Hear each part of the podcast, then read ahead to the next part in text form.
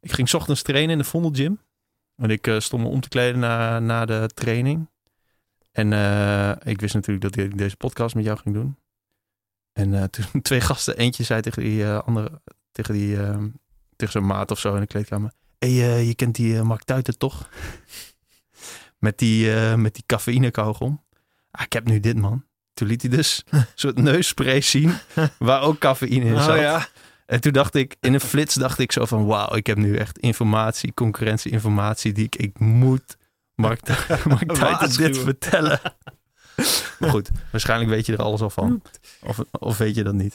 nou ja, je hebt verschillende manieren waarop je kan, je kan bepaalde substanties op heel veel verschillende manieren toedienen. Maar dit werkte veel beter, ja, ja, gast. ja, ja. en Nou, het was ook nog niet op de markt. Dus dit, Nee, ja, dit- you heard it here first. En Ja. ik hoop dat ze ook luisteren.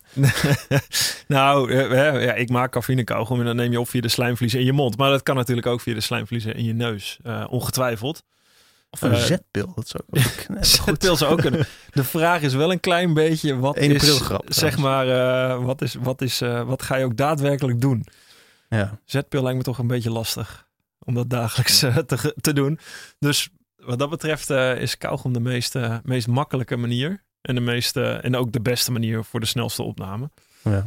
Maar eh, ja, het zou kunnen. Dat is alleen maar leuk als de concurrentie komt.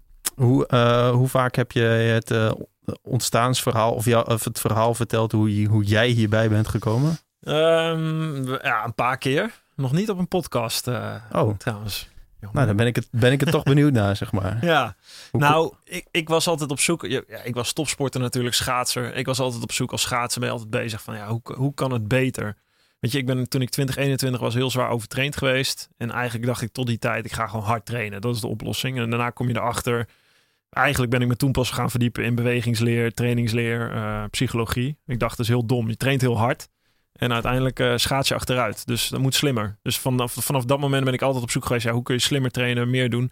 En uiteindelijk kom je erachter dat, ehm, dat cafeïne gewoon werkt voor je prestaties. Je wordt er alerter van. Het helpt bij je uithoudingsvermogen. En dat is een van die kleine dingetjes die je als topsporter wil perfectioneren. En ik dronk gewoon altijd een bakje koffie. Alleen het probleem van koffie is dat je nooit weet hoeveel cafeïne erin zit. Ligt aan de malingsgraad, ligt aan, de, aan heel veel dingen. Hè. Dan zit je in Mhm. een hotel, drink je koffie. Plus een uur later sta je in een strak schaatspak. En dat is niet heel fijn als je dan in één keer naar de wc moet. Dat is best lastig. En ik wist wel dat kauwgom de beste manier was om cafeïne tot je te nemen. Daardoor werkt het sneller via de slijmvlies in je mond. Alleen of het bestond niet, of de producten die er waren, waren eigenlijk nou, simpelweg best vies. Maar dat, je wist al, zeg maar, dat, dat, Ja. dat die opname manier het beste was. En je wist dat cafeïne werkte. Ja. Het is niet zo dat iemand, op, dat je opeens dit product ergens zag of zo. Nee, nee, nee. nee. Ik, ik wist dat het werkt. En er zijn een aantal eh, cafeïne gums die, die op de markt eh, waren. Maar die waren gewoon echt ja, best vies. Het is heel moeilijk om cafeïne in een gombasis te krijgen. Omdat cafeïne heel bitter is qua smaak.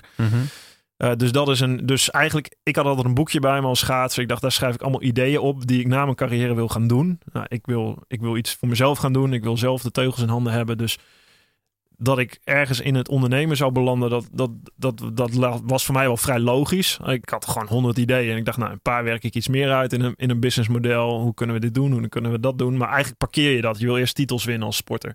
En daarna pas ga je er naar kijken. En ik had het eigenlijk in mijn achterhoofd zitten totdat ik eh, ik heb een sports leadership traject op Nijrode gedaan. En ik kwam daar eh, een, eh, een vriend van mij tegen. en die, die zei, eh, Mark, eh, ik ken iemand uit de parachutespringwereld. Hij kwam ook uit de parachutespringwereld. En die is bezig met de ontwikkeling van een energy gum. Ik zei, hè? Goh, dat is grappig. Ik zei, ja, ik weet wat het is, ik ken het. Maar ik dacht, ja goed, dat, hè, dat zijn zoveel producten. En ik zei, nou, parkeer maar even, wacht maar even. Totdat ik vier, vijf maanden later dat traject heb afgemaakt. En ik op een punt in mijn leven was, twee, drie jaar gestopt met schaatsen. Ik dacht, ja, wat ga ik nu doen? Nu ga ik echt keuzes maken. Ik had van allerlei dingen geprobeerd, gedaan. Eh, en toen ben ik toch een keer met hem gaan praten. Wim heet hij. Ehm, en hij heeft een energy gum ontwikkeld. eh, tot, op, een- tot, op, nou ja, tot op best wel ver. Ik heb hem getest. Ik heb met hem gepraat. En eh, dit was echt iets anders dan ik eerder had geproefd. Want wij werken met een vloeistofvulling. Ehm, en hij vroeg eigenlijk, ja, ja, weet je, ik wil, ik wil het neerzetten. En ik wil het ook met, vanuit sport neerzetten.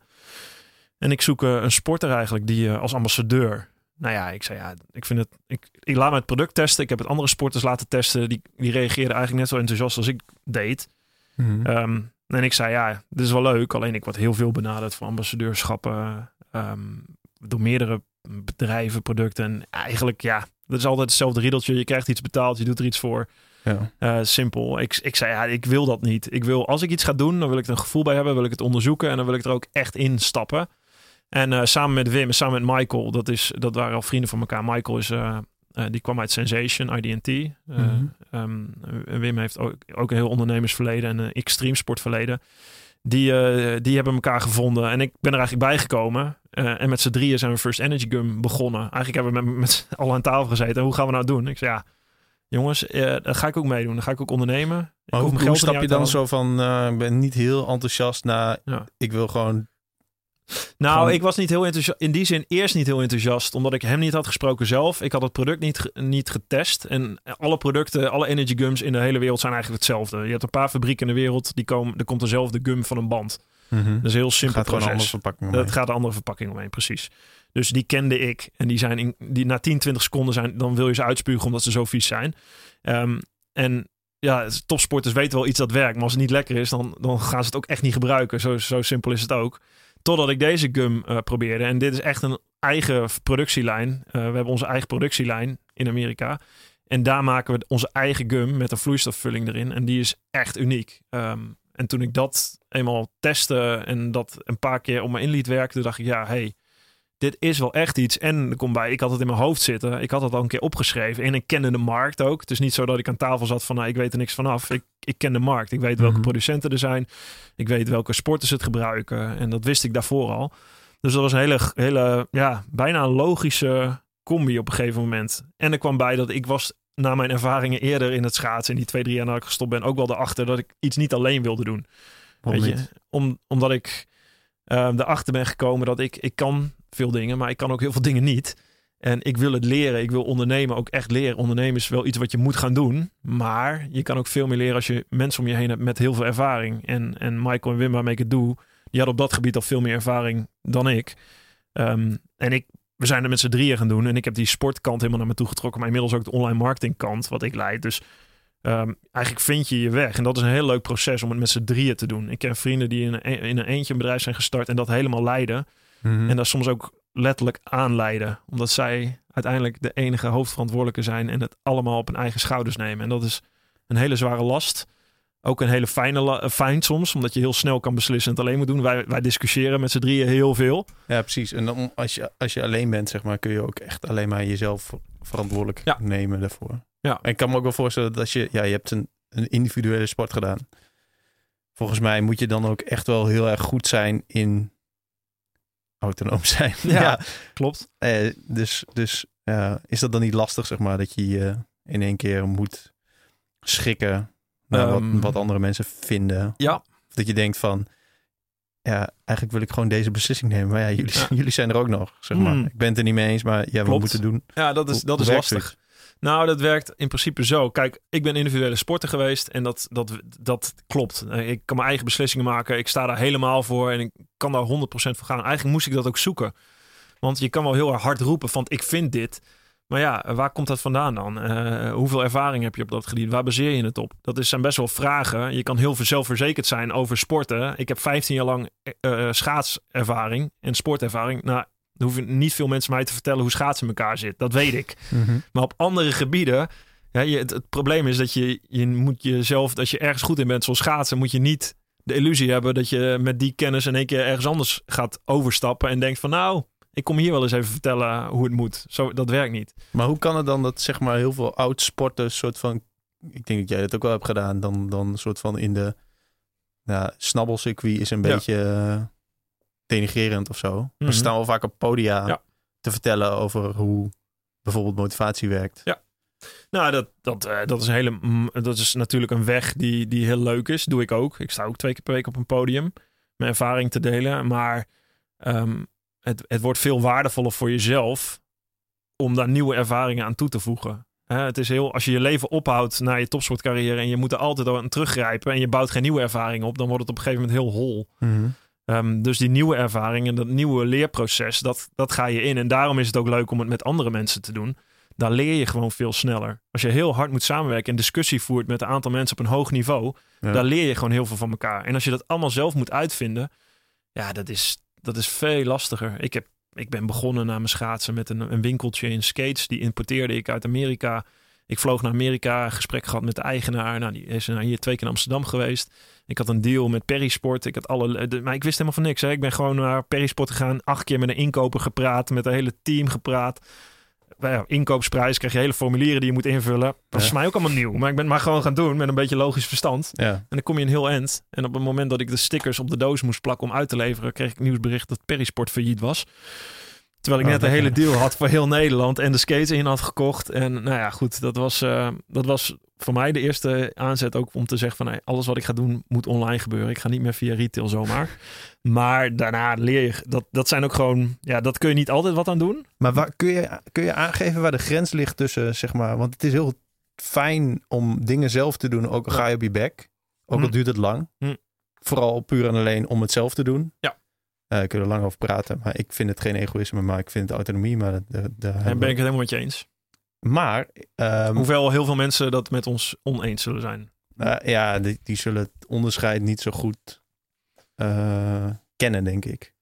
Maar waar ligt dan, zeg maar, want dat is heel erg nice om te doen. Ook gewoon een soort van, misschien wel een oerinstinct. Waar ligt de grens tussen dat en wel met andere mensen iets doen Mhm. en eh, openstaan voor het leren? Ja. Een soort van apprenticeship of zoiets bij, bij, Ja. Bij mensen die ergens anders heel goed in zijn. Nou, ik heb, ik, heb, eh, ik heb wel een les geleerd ooit als schaatser. ehm, eh, en mijn voorbeeld was Otner Sundral. Dat was een Noorse schaatser, echt zo'n Ja. spierbonk. Ja, 1500 meter schaatser, 1500 meter rijder. Dat was mijn grote voorbeeld. En daarna... Dat is dezelfde periode toch ook? Ja, die was iets... Hij was tien jaar ouder dan ik was. Dus eh, Maar die- je ik hebt wel met, met hem geschaatst. ja, net. Net een overlap. Hij werd Olympisch kampioen in 98, ik in 2010. Dus eigenlijk is net een, een generatie voor Ja. mij. Maar hij... ehm, ik was eh, een jaar nadat ik stopte met schaatsen, was ik mee naar Alta in Noord-Noorwegen. Een landenwedstrijd. Die had Bart Veldkamp georganiseerd. Art Schenk ging mee. Adna Sunderal was er ook. Dus eindelijk een keer de kans om een biertje te drinken met Adna Sunderal s'avonds. Mhm. En ik vroeg, wat heb jij nou gedaan? Ik wist dat hij gestopt was, eh economiestudie had afgemaakt. En hij heeft nu een, een goed lopend vastgoedbedrijf. Maar hij, is, hij vertelde mij, ja, hij ging bijna eraan onderdoor en onderuit. Omdat hij zulke risico's had genomen. Het kostte zijn huwelijk, et cetera, et cetera. Nou, hij is echt gaan ondernemen. Uiteindelijk was hij er doorheen gekomen en alles goed nu. Maar hij vertelde mij een beetje die weg die hij had afgelegd. En wat hij heeft gedaan, hij, heeft, hij zei, ik ben bij de grootste vastgoedonderneming gaan werken. Bij het hoogste baas. In het hoogste team om te leren. Hij zou die baas zei alleen tegen mij: Otne, je bent Olympisch kampioen. Fantastisch, geweldig. Maar je gaat nu een paar jaar met mij meelopen. En één ding, je houdt je smoel en je zit gewoon in de hoek. en dat vond ik zo mooi dat hij dat zei. Ik zei, ja, dat is ook zo. Hij komt binnen natuurlijk als een, eh, een held, een nationale Ja. held. Maar ja, op dat gebied is hij ook gewoon nog een rookie. Hij krijgt alleen wel de kans om van de beste heel snel te leren. Ja. Maar ja, dan moet je ook daarvoor openstaan. En daarvoor openstaan, het leren. Dus niet denken dat je zelf de wijsheid en pacht hebt, maar openstaan om te leren. Ehm, en gewoon je gezonde verstand gebruiken. Want dat leer je wel, ook als sporter. Je, je moet echt je moet aanstaan om te leren. Daar, daar kom je het meest ver mee. Maar ja, uiteindelijk zit dat natuurlijk wel in je dat je zelf, ik ben ook, autonomie is en mijn drijfveer ook. Dus je wil wel je eigen pad daarin vinden. Dus als andere mensen, en ook mijn compagnons, of men, mij gaan voorschrijven wat ik moet gaan doen, ja, Mhm. dan, dan, dan ga ik stijgen. Daarvoor ben ik niet gaan ondernemen. Ik wil zelf mijn weg vinden. Alleen, eh, ik weet zelf wel, ik vind wel uit wat er belangrijk voor ons bedrijf is. Eh, en daar ga ik mee aan de slag. En daar ga ik het verschil op maken. Daar duik ik in. En dat maak ik mezelf eigen. Daarvoor heb ik andere mensen nodig om het te ondersteunen. Maar het idee, het proces, het bedenken, dat, dat doe ik ook vaak zelf. En geldt het dan ook voor die twee compagnons van je, dat zij zeg maar ook helemaal vrij worden gelaten in hun verantwoordelijkheden? Ehm, ja. ja, als iedereen zijn verantwoordelijkheden maar neemt. Ik zeg bij ons in het team ook altijd: verantwoordelijkheid, die pak je, die, die krijg je niet. Dus daar zoek ik ook de mensen op uit. Ik, Mhm. Als ik iedereen moet vertellen wat ze moeten gaan doen de hele dag, ja. Natuurlijk moet dat. Je moet ze kaders geven. Hoe ziet zo'n zo'n team er nu uit dan? Eh, nou, wij zijn met drie eigenaren. We hebben eh, een freelancer en een, eh, een vaste werknemer op online marketing. We hebben een designer in dienst, ook vast. En twee stagiairs nu momenteel. En iemand die af en toe langskomt om onze pakketjes in te pakken. Dat doen we allemaal zelf in-house. Is het nog steeds in eh Den Ilp? Den Ilp, ja. Ja. Aan het, aan het Twiska, een heel mooi natuurgebiedje. En we hebben gewoon een klein, klein kantoortje boven. En een eh, halve gym, halve stellage met toen ik er eh, was- materiaal. Anderhalf jaar geleden denk ik Ja. inmiddels. Toen was het nog niet af. Nee, klopt. Inmiddels is er wel een... eh, We hebben inmiddels een gym onderin. eh, die heeft Matrix voor ons ingericht. Super tof. En alleen de helft van die gym is inmiddels al eh, voorraad Dus eh, we, we groeien wel eh, een impactafdeling, impact slash voorraadafdeling. Dus het groeit gewoon organisch door. Uiteindelijk eh, moeten we zien hoeveel er van de gym uiteindelijk overblijft. Ja, dat is wel echt. Ja, dat is wel grappig. Hoe, hoe lang bestaat First al nu? Eh, een goede twee jaar. We zijn 1 augustus 2017 gelanceerd. Dat is eigenlijk helemaal niet zo lang. Nee, nee, dat is kort. Maar wa- hoe, en hoe lang bestond het idee daarvoor al? Zeg maar, hoe lang was Ja. die test? En, eh, nou, dat is al. eh, de, de- daarvoor was er al 7, 8 jaar aan ontwikkeling. aan acht vooraf jaar. gaan. Ja. En waarom is er dan steeds niet besloten om te gaan beginnen? Omdat eh, de juiste popjes nog niet in de juiste plaats stonden. En het productieproces gewoon nog niet goed genoeg was. Dus de gum was gewoon niet goed genoeg. Dat, dan kom je er wel achter. Ik, voor mij ook nu een heel leerzaam moment. Ik ben in een fabriek geweest. Heb gezien hoe we het doen. Hoe het allemaal werkt. Hoe de, eh, dat is gewoon een heel proces. Dat komt zo nauw. Het is niet zo, we maken een, eh, een, potje en dan gooien we dit en dat en dat in. En we roeren een paar keer en dan komt er een gum uit. Dat is best wel... een, en dat kost veel geld. Dus het is niet zozeer... En dat doen we allemaal met onze eigen spaarcent. Het is niet dat iemand langskomt en zegt: Hier heb je een zak. Ik wil het volgend jaar af hebben. Dus het is meer een organisch proces van ontwikkeling geweest. Ehm, en die categorie is nog steeds niet gebouwd. We bouwen eigenlijk een nieuwe categorie. Dus een energy gum zegt nu niemand iets als ik het zeg. Ik moet het uitleggen. Cafeïne, kauwgom. Oh, nicotine, kauwgom. nee, cafeïne. Energy gum is het uiteindelijk. eh, net zoals energy drinks gebouwd zijn, is ook mijn veronderstelling dat energy gum gebouwd gaat worden. Alleen dan zonder suiker, zonder aspartaam, zonder koolzuur. Eh, Mhm. De beste manier om cafeïne tot je te nemen. Maar ja, dat moet ik nu nog uitleggen. Dat is nog niet zo ver. Is dat, is dat ook eh, zeg maar het voorbeeld? Energy drink, zoals dat zeg maar nu... Ja, precies wat je zegt eigenlijk. Dat hoef je nu niemand uit te leggen, Nee. wat dat is. Terwijl als je misschien nou, Ja. inmiddels 15 jaar terug in de tijd gaat... Ja, 20 wel, denk ik. 20, 25 jaar terug. En dacht je, huh, energy drinks, wat is dat? Eh, nee, klopt. Dat is eigenlijk hetzelfde. Dat is ook een categorie die gebouwd is. En, en bewust, hè? Ja. Eh, ze hadden bij Red Bull of andere merken ook kunnen zeggen van... eh hey, wij zijn een frisdrank, maar een eh, functionele frisdrank. Ja, ja, precies. nee, dat klinkt niet. En dat is, ja, wat is het dan? Ja, dan is het Coca-Cola. Nee, het is een energy drink. Dus ze hebben het bewust zo neergezet. En ja, dat is natuurlijk ook eh, deels marketing. Over dat, over dat te neerzetten. Hoe... Kijk, je hebt natuurlijk een goed netwerk van... Je kent veel mensen, je kent ook veel sporters. Ja. Sporters worden vaak eh, op een soort voetstuk gezet. Als het gaat om presteren. Ze hoeven maar iets... Ik heb trouwens mijn... Toen ik communicatiewetenschappen studeerde... daar een onderzoek naar gedaan over... Volgens, dat was nog voordat er influencers bestonden. Oh of, ja? het, of het zeg maar werkt... of om sporters in te zetten... Hm. voor eh, producten. En of, of ze voor alle producten kunnen worden ingezet... of Ja. voor producten die een soort van... Mijn onderzoek ging dan naar... eh eh, Aquarius-achtige... eh, wat zijn dat? Is dat- Drankjes, isotone drankjes. Ja. Ja. nou ja, de, mijn, mijn hypothese was ja, dat het, Ja. dat het werkt. en? De conclusie was ook ja, dat werkt. Dat werkt. Maar niet zeg maar voor, ehm, ja, wat was het andere product? Gewoon in een soort, van neutraal iets. Ja. Een strijkijzer of zo. Ja, ja, ja. Nee, maar dat is, daar geloof ik heilig in. De connectie moet er zijn met, met sport. Het moet geloofwaardig zijn voor mensen. Heb, je, heb, je daar, heb je daar een plan voor geschreven, zeg maar, hoe je... ehm, want ik weet dat nu best wel veel sporters het gebruiken. Ja, ja ze moeten het wel soort van krijgen van je. Ja. Of, of ze moeten het zien. Of ze moeten het... Hoe, hoe Nou, werkt zoiets? bij ons, hoe werkt ja. zo, is dat een olievlek? Nou, het is wel grappig wat je zegt. Weet je, hoe begin je überhaupt met, met ondernemen ook? Het is eigenlijk niet dat wij een... Tuurlijk, we hebben een plan, we hebben een strategie. Maar dat is niet iets wat we in eh, een heel boekwerk hebben samengevat. Het is eigenlijk meer een A4'tje. Het traditionele bierveeltje. Ja. Waar een soort piramide op staat. En waar een strategie op staat van drie jaar. En wij zijn echt begonnen vanuit sport.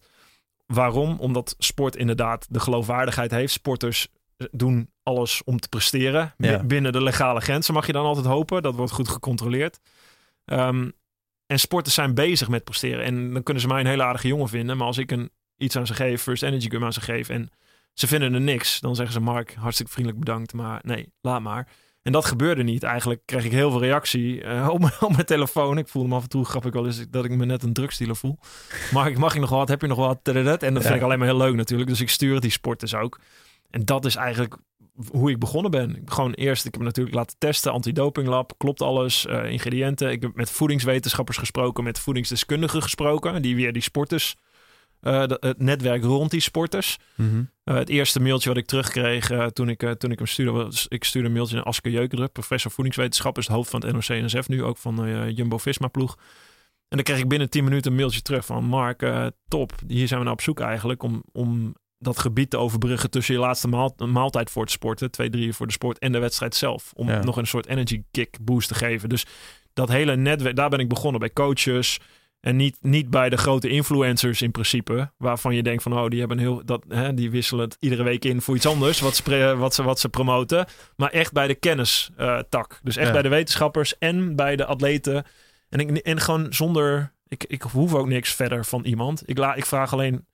Hey, test het, probeer het. En ik ben oprecht geïnteresseerd in wat je ervan vindt. Of het je helpt. Nou ja, dat, ik krijg heel veel reactie terug van ja, het helpt. En ik, eh, ik zou heel graag eh, wat van jou ontvangen. En dan stuur ik het op. Zo simpel is het eigenlijk. Dat is de whole plan. De eerste jaar en daarna is het voor ons nu de zaak om door te gaan naar... Hè, daarom vind je het ook bij Vondel Gym eh, bijvoorbeeld. Dat is trouwens de enige outlet waar we liggen naast online. De hele- is, is dat, is dat, heeft dat een, een reden of is het gewoon een soort van... De, het is deels een test, maar het is ook eh, omdat, omdat ik, ik goed contact heb met Arie Boomsma. Ehm, ik, ik het mooi vind hoe hij het aanpakt. En het publiek wat bij Vondel Gym komt. eh, nou ja, jij komt er ook. Mhm. Mensen zijn die bezig zijn met hun gezondheid, bezig zijn met hun levensstijl. Dat zijn mensen die. Het is een bepaald publiek. eh, Wat, wat ehm, denk ik eh, heel erg. Ja, waar, wat, waar wij heel veel mee hebben. En wat wij ook echt graag willen bereiken. Dat zijn wel de mensen die het eerst adopteren. Eh, dus bewust ook hebben we dat gedaan. En ik denk dat die hele brede groep ook eerst in Nederland bereikt moet worden. Dat is ons doel voor, voor het tweede jaar waar wij nu in zitten. En volgend jaar gaan we bijvoorbeeld eh, gaan we waarschijnlijk eh, petrol testen. Dus gaan we kijken of we in tankstations ook ergens kunnen liggen om te testen hoe dat werkt. En, en dat model, het online zelf doen via trainers, via sporters, ehm, via, via, via mensen die gericht zijn op een gezonde leefstijl. En aan de andere kant eh, petrol, hè, dus mensen die op reis zijn en, eh, en eh, een inkakker hebben en echt energy gum kunnen gebruiken om, om actief en alert te blijven. Ja. Dat zijn twee sporen die wij volgen en dat is een beetje in het kort onze strategie. Is het, is het, heb je het zeg maar twee jaar geleden nu opgeschreven en ben je gewoon aan het uitrollen wat op papier stond? Of is er ook gewoon, ja, is, is er, ben je gewoon gaan bijsturen, andere weg ingeslagen? Ja. Ben je ergens achtergekomen wat niet zo werkt zoals je dacht? Nee, eigenlijk volgen we nog steeds onze oorspronkelijke strategie. Alleen het is heel makkelijk om nu achteraf te zeggen van ja, dat hadden we op papier staan, dat hebben we gevolgd. Ja, dat is, dat is Ja. ook Taleb, hè? Ja, Dat is eh, dat, je, dat je achteraf heel goed eh, mooi verhaal ervan kan maken. achteraf kun je alles fantastisch redeneren. Dat vertel ik ook in mijn presentaties. Ik zeg, achteraf kun je alles heel prachtig mooi vertellen. Maar daar is natuurlijk heel veel discussie aan, aan vooraf gegaan. Om je een voorbeeld te geven. Ehm, ik ben natuurlijk heel doelgericht. Ik wil... Ik vind het mooi om een merk te bouwen. Ik denk, kom op, gaan, gaan, gaan. Ik wil het liever vandaag nog dan morgen. Ik kan best wel drijven, kom ik achter. Ook Hm. met mijn compagnons. Hè, dan kom je achter hoe je als topsporter bent. Ik, ben, ik kan heel goed tegen druk. En ik ben heel, ehm, nou ja, heel doelgericht, heel resultaatgericht. In de topsportwereld is dat normaal, zeg maar. Dan hebben we allemaal Mark. Alleen in het normale leven kom ik erachter, is dat helemaal niet zo heel normaal. Dan ben ik best wel een uitzondering. Mhm. Eh, en als ik dan in een team zit, ben ik vaak degene die loopt te pushen en te drijven en te, en te zeuren af en toe. Ja, daar worden ze ook wel eens gek van. En dan, krijg ik weer, dan krijgen we zo'n heel gezonde discussie eigenlijk. Want ik word af en toe dan teruggehouden, wat voor mij ook wel eens goed is. Maar ja, ik probeer wel te denken van jongens, kunnen we niet gewoon breder gaan? Dus we hebben eigenlijk hadden we wel heel veel kansen hebben gehad de afgelopen twee jaar al, al vrij snel om heel breed in winkels te kunnen gaan liggen. Ja. En dat hebben we bewust niet gedaan, wat echt een hele moeilijke keuze is. Want je kan meteen verkopen. Ja. En ik geloof in het product, omdat ik zelf geloof in het product. Ik ken het verhaal. Mhm. Maar ja, het is product. Als het zo in een winkel ligt, in het schap, en iemand ziet het en kent het niet, dan denk je, ja, wat is dit? Hè, als het ergens ligt en er zit geen verhaal bij en niemand vertelt het verhaal, dan kan het nog wel eens gebeuren dat iemand denkt van, ja, nou, ik laat het links liggen.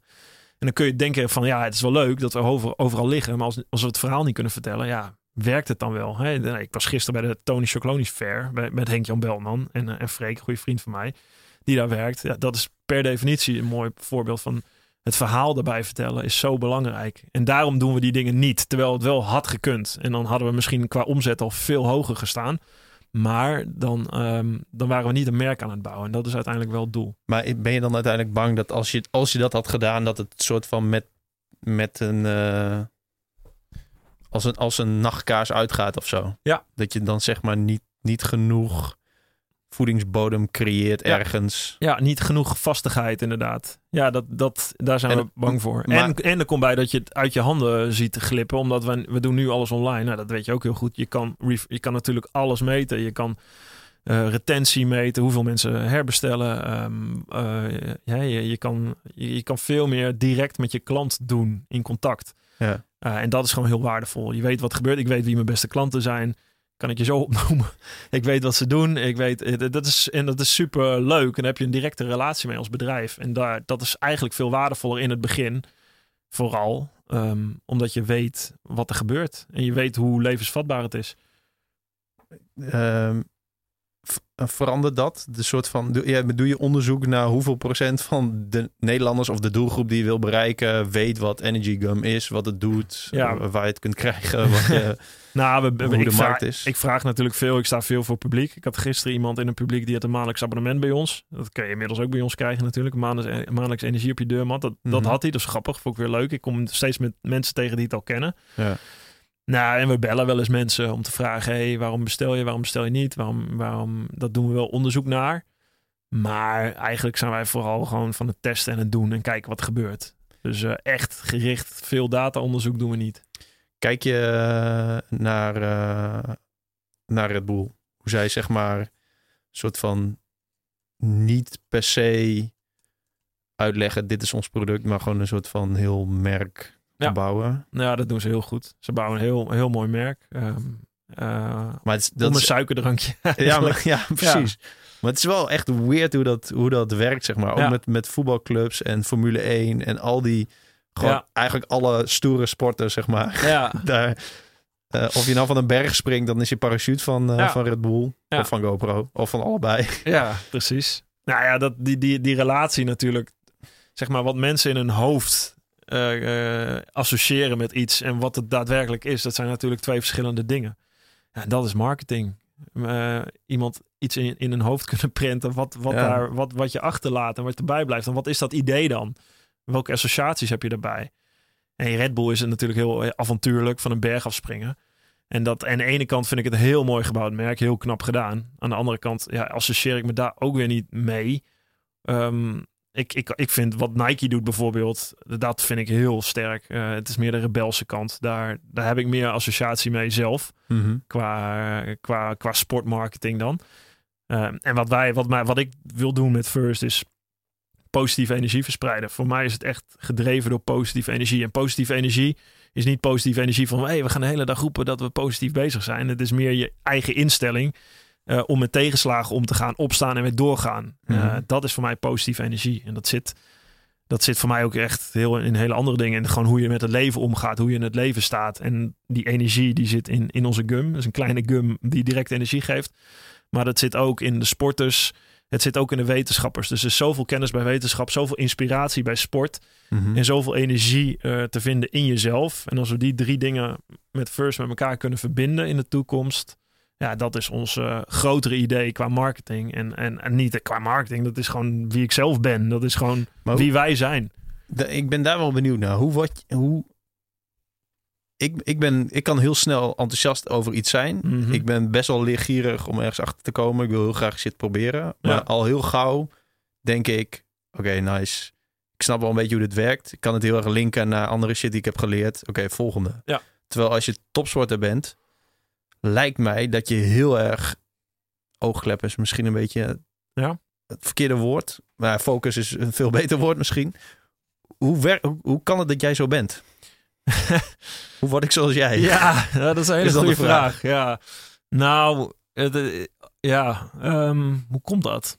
Nee, laten we, Nou, laten ik we heb, ik, heb, ik, ik, heb een, ik heb ook een podcast, die Drive, gedreven. Ehm, en ik vraag me die vraag ook wel eens. Waarom, waar zit dat bij mij? Waar komt dat door? Heb ik een ongelukkige jeugd gehad? Heb ik, hè, waarom doe je de dingen die je doet? Dat is natuurlijk een hele diepe, moeilijke vraag. Ehm, Nee, ja, soms is er een simpel antwoord. Ik bedoel, Ja. ja. was jij zeg maar... Kijk, ik zat op de basisschool met Ingmar Berga. Ja. En eh, vroeger, eh, als er dan eh, ijs lag... dan gingen we met de hele school schaatsen.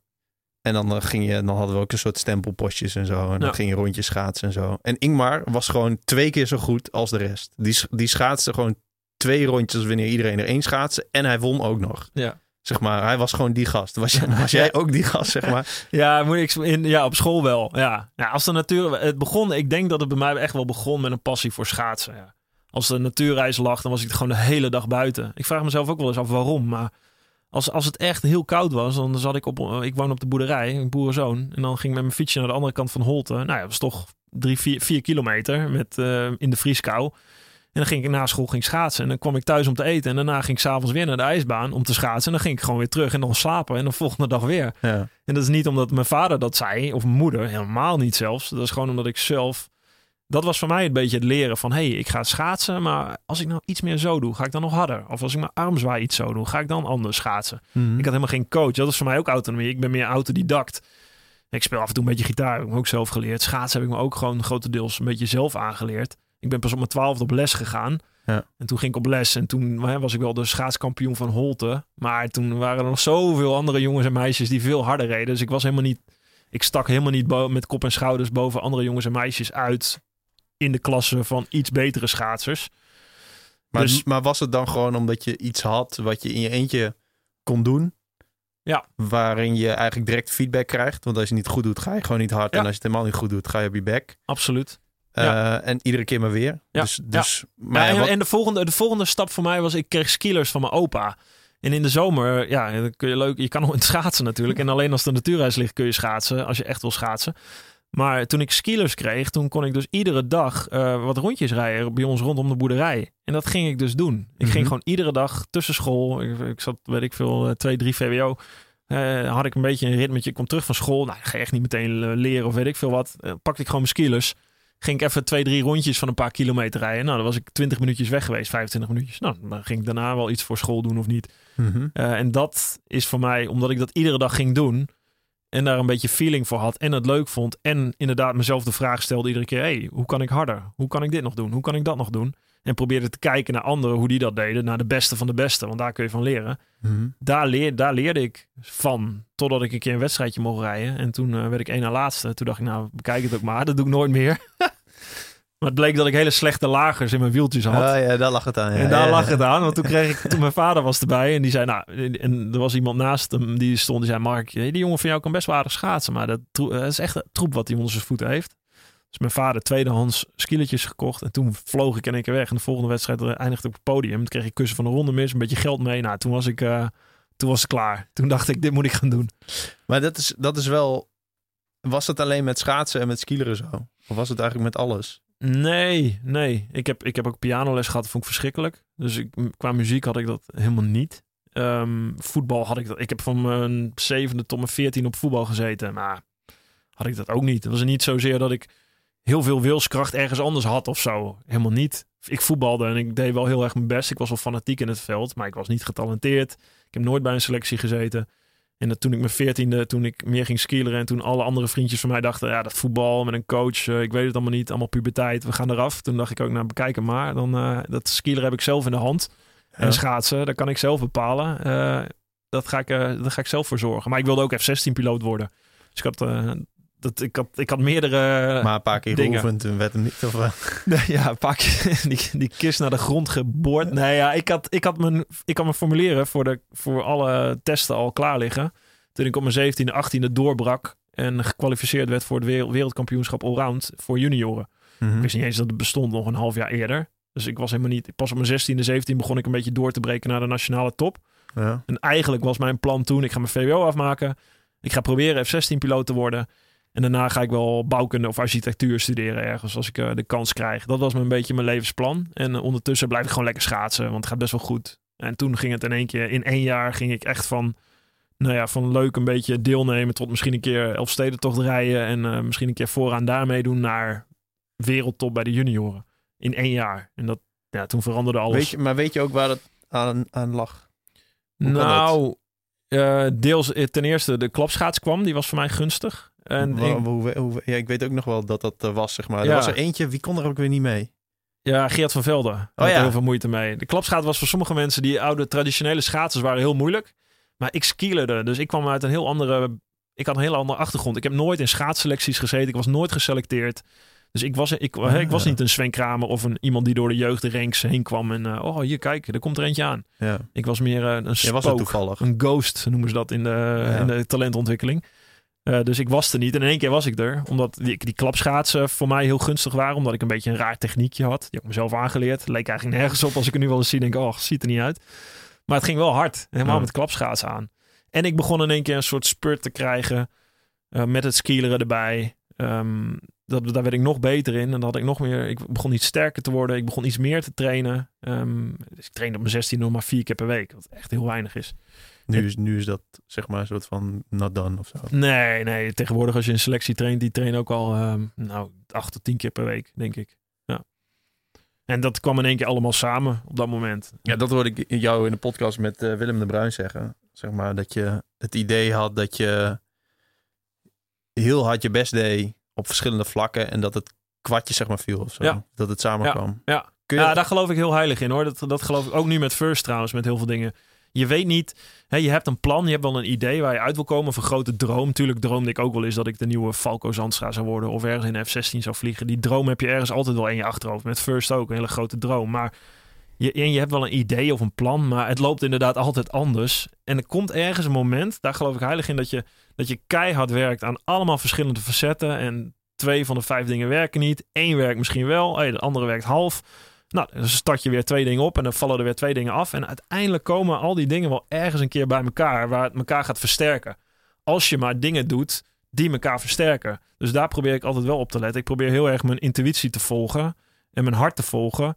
En waar ik echt blij van word. Dus voor mij is dat nu, eigenlijk na het schaatsen, is dat heel erg gekristalliseerd in ondernemen. Alles wat te maken heeft met sport, gezondheid en media vind ik leuk. Hè? Ik doe analyses voor de NOS. Ik sta veel op podia te presenteren. Mhm. Die drie dingen vind ik leuk. En als het daarin valt, Ja. eh, versterkt het elkaar. Als ik daar dingen test, soms valt het er buiten, dan, dan stoot ik het af. En soms valt het er binnen en lukt het niet. Maar als ik daarin blijf een beetje, in, in die kaders, dan, dan ontmoet ik allemaal kruisverbanden als het ware, die elkaar versterken. En dat, dat is heel leuk om te zien. En je weet nooit precies waar dat naartoe gaat. Maar hey, elke sportsleadership traject zat er ook in. En dan kom je iemand tegen die een energy gum ontwikkelt. En dat Ja. had ik al ergens opgeschreven. En dat heeft met sport te maken en met ondernemen. En dat komt ergens samen in een kruispunt in je leven. Dat je denkt van oké, hè, je hebt wel eens van die periodes in je leven dat je even denkt een half jaar van ja, wat moet ik? Ik moet een nieuwe richting in. Ik moet een nieuwe richting uit. Ik weet Ja. het ook eventjes niet.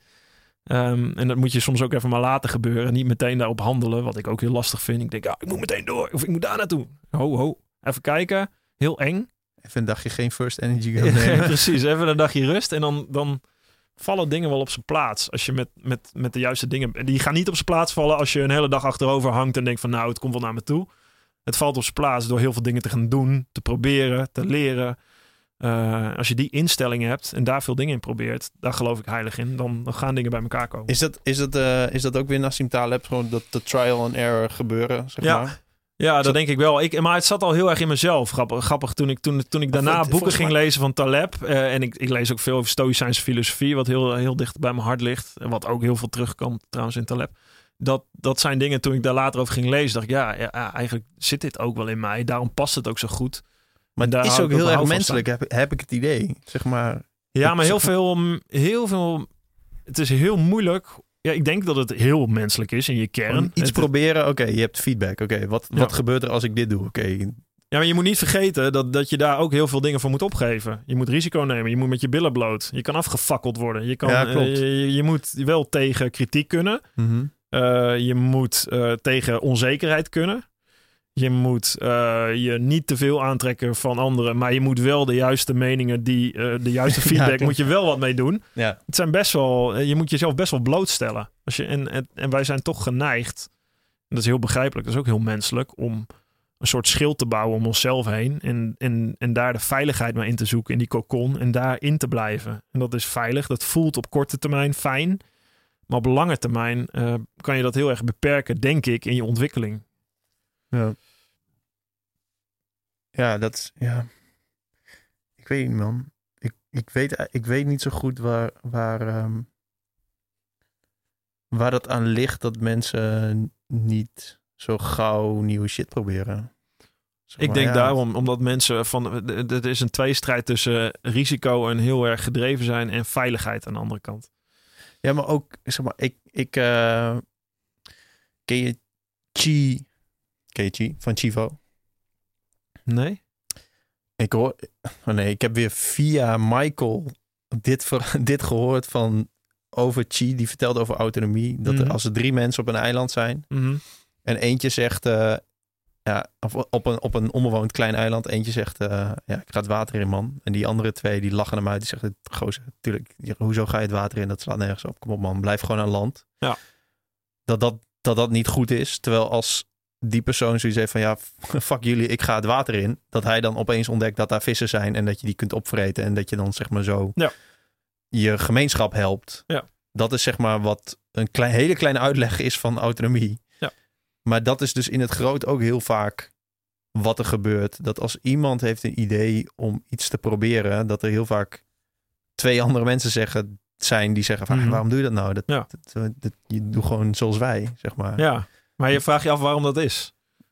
Ja, nou ja, ja, ja ik, Zeg maar, ik beschouw het meer, dit vind ik mooi aan Stoïcijnse fi- filosofie ook. Je kan je afvragen waarom het zo is. Je kan ook denken van, ja, blijkbaar is dit zo en zit de wereld zo in elkaar. Want dit is zo, dit is overal. En dit is gewoon in onze menselijke natuur ingebakken. En ik denk dat we aan beide kanten, dat is niet voor niks, denk ik. Dat is omdat aan de ene kant ehm, je, je de daredevils nodig hebt. Hè? Die, eh, die vroeger ook eh, die vis vingen of achter die man moet aanrennen. Ja. Van eh, holy shit. Hè? Of de strijders die voorop gaan in de strijd van we gaan nu, wauw, we gaan ervoor. ja. En aan de andere kant heb je mensen nodig die natuurlijk ook veiligheid en, en gebondenheid en bezorgdheid en het beschermen van een familie, van een, dat is ook heel waardevol voor mensenleven. Dus het is altijd, je hebt beide kanten nodig, denk ik, in het leven. Autonomie is prachtig, maar autonomie zonder een vaste basis is, is eh, vluchtig en zoeken. Eh, en een vaste basis is prachtig, maar een vaste basis zonder autonomie of zonder iemand met, een, met een speer die vooruit loopt, ja, die, die blijven een beetje, een beetje zwemmen in alle terrein wat al ontgonnen is. Hè? Inderdaad, daar zou je nooit die nieuwe horizon ontdekken. Er zal, en dat is voor beide kanten is het nodig. Beide kanten hebben elkaar nodig, denk Ja. ik. En dat is het mooie ook. Ik, dat vind ik ook het fascinerende. Ik, ik ben autonoom, ik doe graag dingen op mijn eigen manier, maar ik ben er wel achter gekomen ook in mijn leven. Dat, daar speelt mijn vrouw ook een belangrijke rol in. Die is heel anders dan ik. Die, die is veel meer vastigheid, familiair, binding. Mhm. Ehm, en dat is voor mij heel goed. En voor haar ben ik weer heel goed. Die, die samenwerking. En dat is ook bij mijn compagnons een beetje. Ik denk juist dat in, in het leven het ook samenleven is. Hoe autonoom je ook bent. En dat ben ik ook. Begrijp me goed. Hè? Ik, ik, ik doe freeride ski. Ik doe kitesurfen. Dat doe ik alleen. Dat vind ik heerlijk. Maar ik voetbal ook in een voetbalteam. En dat vind ik ook leuk. ja. Dus die dingen eh, voor jezelf. Het is altijd met andere mensen samenwerken. Alleen de kunst is om jezelf te blijven en in je eigen kracht te staan. Dus als jij degene bent die, die vis vangt en autonoom bent, top. Dat hoort bij jou. Moet je ook scheid hebben aan die andere twee. En dan moet je dat gaan doen. Ja. Alleen die andere twee heb je misschien soms wel nodig om, eh, om je erbij te houden bij het geheel, zeg maar. Wat ook heel waardevol is. Anders loop je vissen voor jezelf te vangen. En dan denk je, ja, het, het smaakt lekker, maar ik kan het met niemand delen. Waar moet ik mijn verhalen nou aan vertellen? Nee, dat is ja, ook een beetje ja. saai. Ja, dat is, dat, dat is wel. Daar ben ik het wel mee eens, inderdaad. Dat dat, dat het hand in hand gaat. Alleen ik heb dus heel vaak. Ja, waarschijnlijk ben ik ook aan het primen, zeg maar, om op, op, op mensen die een gebrek aan autonomie hebben, omdat ik dat waarschijnlijk zie. Ja. Ja, en dan vraag je je af, waarom Misschien is dat? zie ik het gewoon veel te vaak en denk, denk ik niet aan, naar die andere kant. Nou ja, ja ik, ik weet niet. Dat Nou, is- misschien heb jij het heel extreem. Eh, dat zou kunnen. Ik vraag hem ook wel eens af. Ehm, alleen ik, ik, ik, ik ga niet een stap verder om af te vragen waarom is dit. Het is voor mij meer een stap van, ja, blijkbaar is dit zo. Mhm. Ehm, hoe vind ik mijn weg hierin? Wat is, wat is, eh, wat, wat is, wat is voor mij belangrijk hierin? Moet ik, naar, naar wie moet ik luisteren? Nou, vooral niet. Vooral moet je naar jezelf luisteren. Heb je, heb je het idee, wat zei je, je bent nu 39? Ja. Heb je het idee dat je eh, een soort van, dat je stabieler bent geworden dan een soort van, je zei in het begin van je carrière dat je overtraind bent geraakt. Waarschijnlijk weet je, was je dan zeg maar niet echt bewust van wat je fysiek misschien wel mentaal aankon. Heb je het idee dat je een stabiele koers vaart en dat dat Zeker. chill is? Nou, Of zijn er nog wel eens periodes dat je het ook weer even helemaal niet meer weet? Tuurlijk, tuurlijk. Die heeft iedereen. Ik, heb, ik, ik moet zeggen, hoe ouder je wordt, en ik ben nu bijna tegen de 40, ehm, met, met veel levenservaring. Ik heb veel dingen meegemaakt in mijn leven. Ik heb met sporten heel veel teleurstellingen meegemaakt en de hoogste piek meegemaakt. Ik ben mijn moeder verloren op een, op een hele trieste manier. Ik heb uh, twee prachtige kinderen. Ik heb heel veel dingen meegemaakt. Alleen uiteindelijk ook, en dat komt misschien ook wel door sport, omdat je echt gedwongen wordt om, om met je billen bloot te gaan. Je kan je nergens verstoppen. Ben ik wel emotioneler, stabieler, veel stabieler geworden in mijn leven. Ja, ik heb, ik heb meer met situaties leren omgaan. een vechtscheiding tussen mijn ouders bijvoorbeeld. Wat, en meer leren kijken naar wat is mijn rol hierin? Wat kan ik hier aan doen zonder dat ik er iets aan kan doen? Om je een voorbeeld te geven, mijn ouders lagen bijvoorbeeld met elkaar een vechtscheiding. En wat mijn eerste neiging is dat op te lossen, daartussenin te springen. Mhm. Zijn mensen waarvan je houdt. Het heeft effect op jou. Ja. jij kan minder autonoom zijn en in je eigen gang gaan, want er lopen twee mensen aan je te trekken. Ja. Uh, en als je daar inspringt en meegaat in dat getrek, dan, dat was mijn les uiteindelijk, dan, dan, uh, dan beïnvloed je die situatie. Dus die, die, ruzie tussen die twee mensen werd niet beter, sterker nog alleen maar erger. Mhm. Ik had er heel veel last van. En ik werd aan twee kanten uh, ja, verscheurd, als het ware, tussen mijn vader en mijn moeder. En uiteindelijk was mijn les dat ik er helemaal uit ben gestapt. En heb gezegd tegen mijn ouders van ja... Zoek het uit. Ja, eigenlijk wel. Dit is niet mijn strijd. Dit is jullie strijd. Ja. Uh, pap, ik wil gewoon met jou een bakje koffie kunnen doen. Had ik al zes jaar geen relatie of geen, geen contact meer met hem. Tegen mijn pa gezegd, ja, laten we gewoon weer contact opnemen. En kijken we. Af en toe mis ik die vader die er voor me is om ja, gewoon uh, even over het leven mee te babbelen. En, en mijn moeder heb ik gezegd, ik ben niet je handlanger in die strijd. Dat is niet mijn strijd. Mm -hmm. uh, af en toe mis je gewoon die moeder die er, ja, weet je, de, gewoon die, die, moeder die er voor je is. Altijd. Ja. Uh, en toen ik dat ging doen, werd het wel veel gezonder. Dus eigenlijk heb ik helemaal niet veel gedaan. Sterker nog, ik heb minder gedaan. Ik heb meer afstand genomen.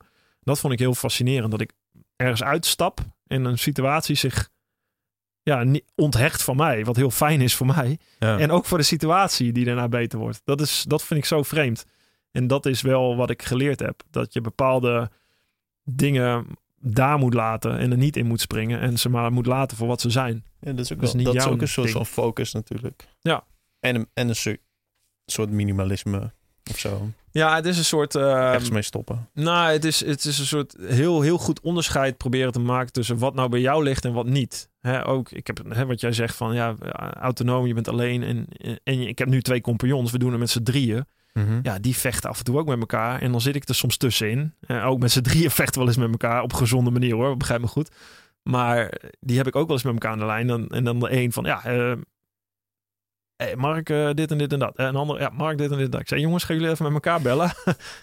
Ik stap je even tussenuit. Ja. Zeg maar op een hele bewuste manier. Omdat, omdat je ergens in gaat stappen en je gaat je ergens mee bemoeien. Wat mensen natuurlijk doen. Hè? Mensen beïnvloeden elkaar constant. Als jij ergens instapt dan, en, en je, ik wil jou aan mijn zijde. Ik wil jou ook aan mijn zijde. Voor je het weet sta jij ergens tussenin wat helemaal niet jouw plek is. En dat Nee, versta ik ook wel een beetje onder autonomie. En ook stoïcijnse filosofie wat daarmee helpt. Je, dat, je moet die dingen oppakken die bij jou horen. Waar je blij van wordt.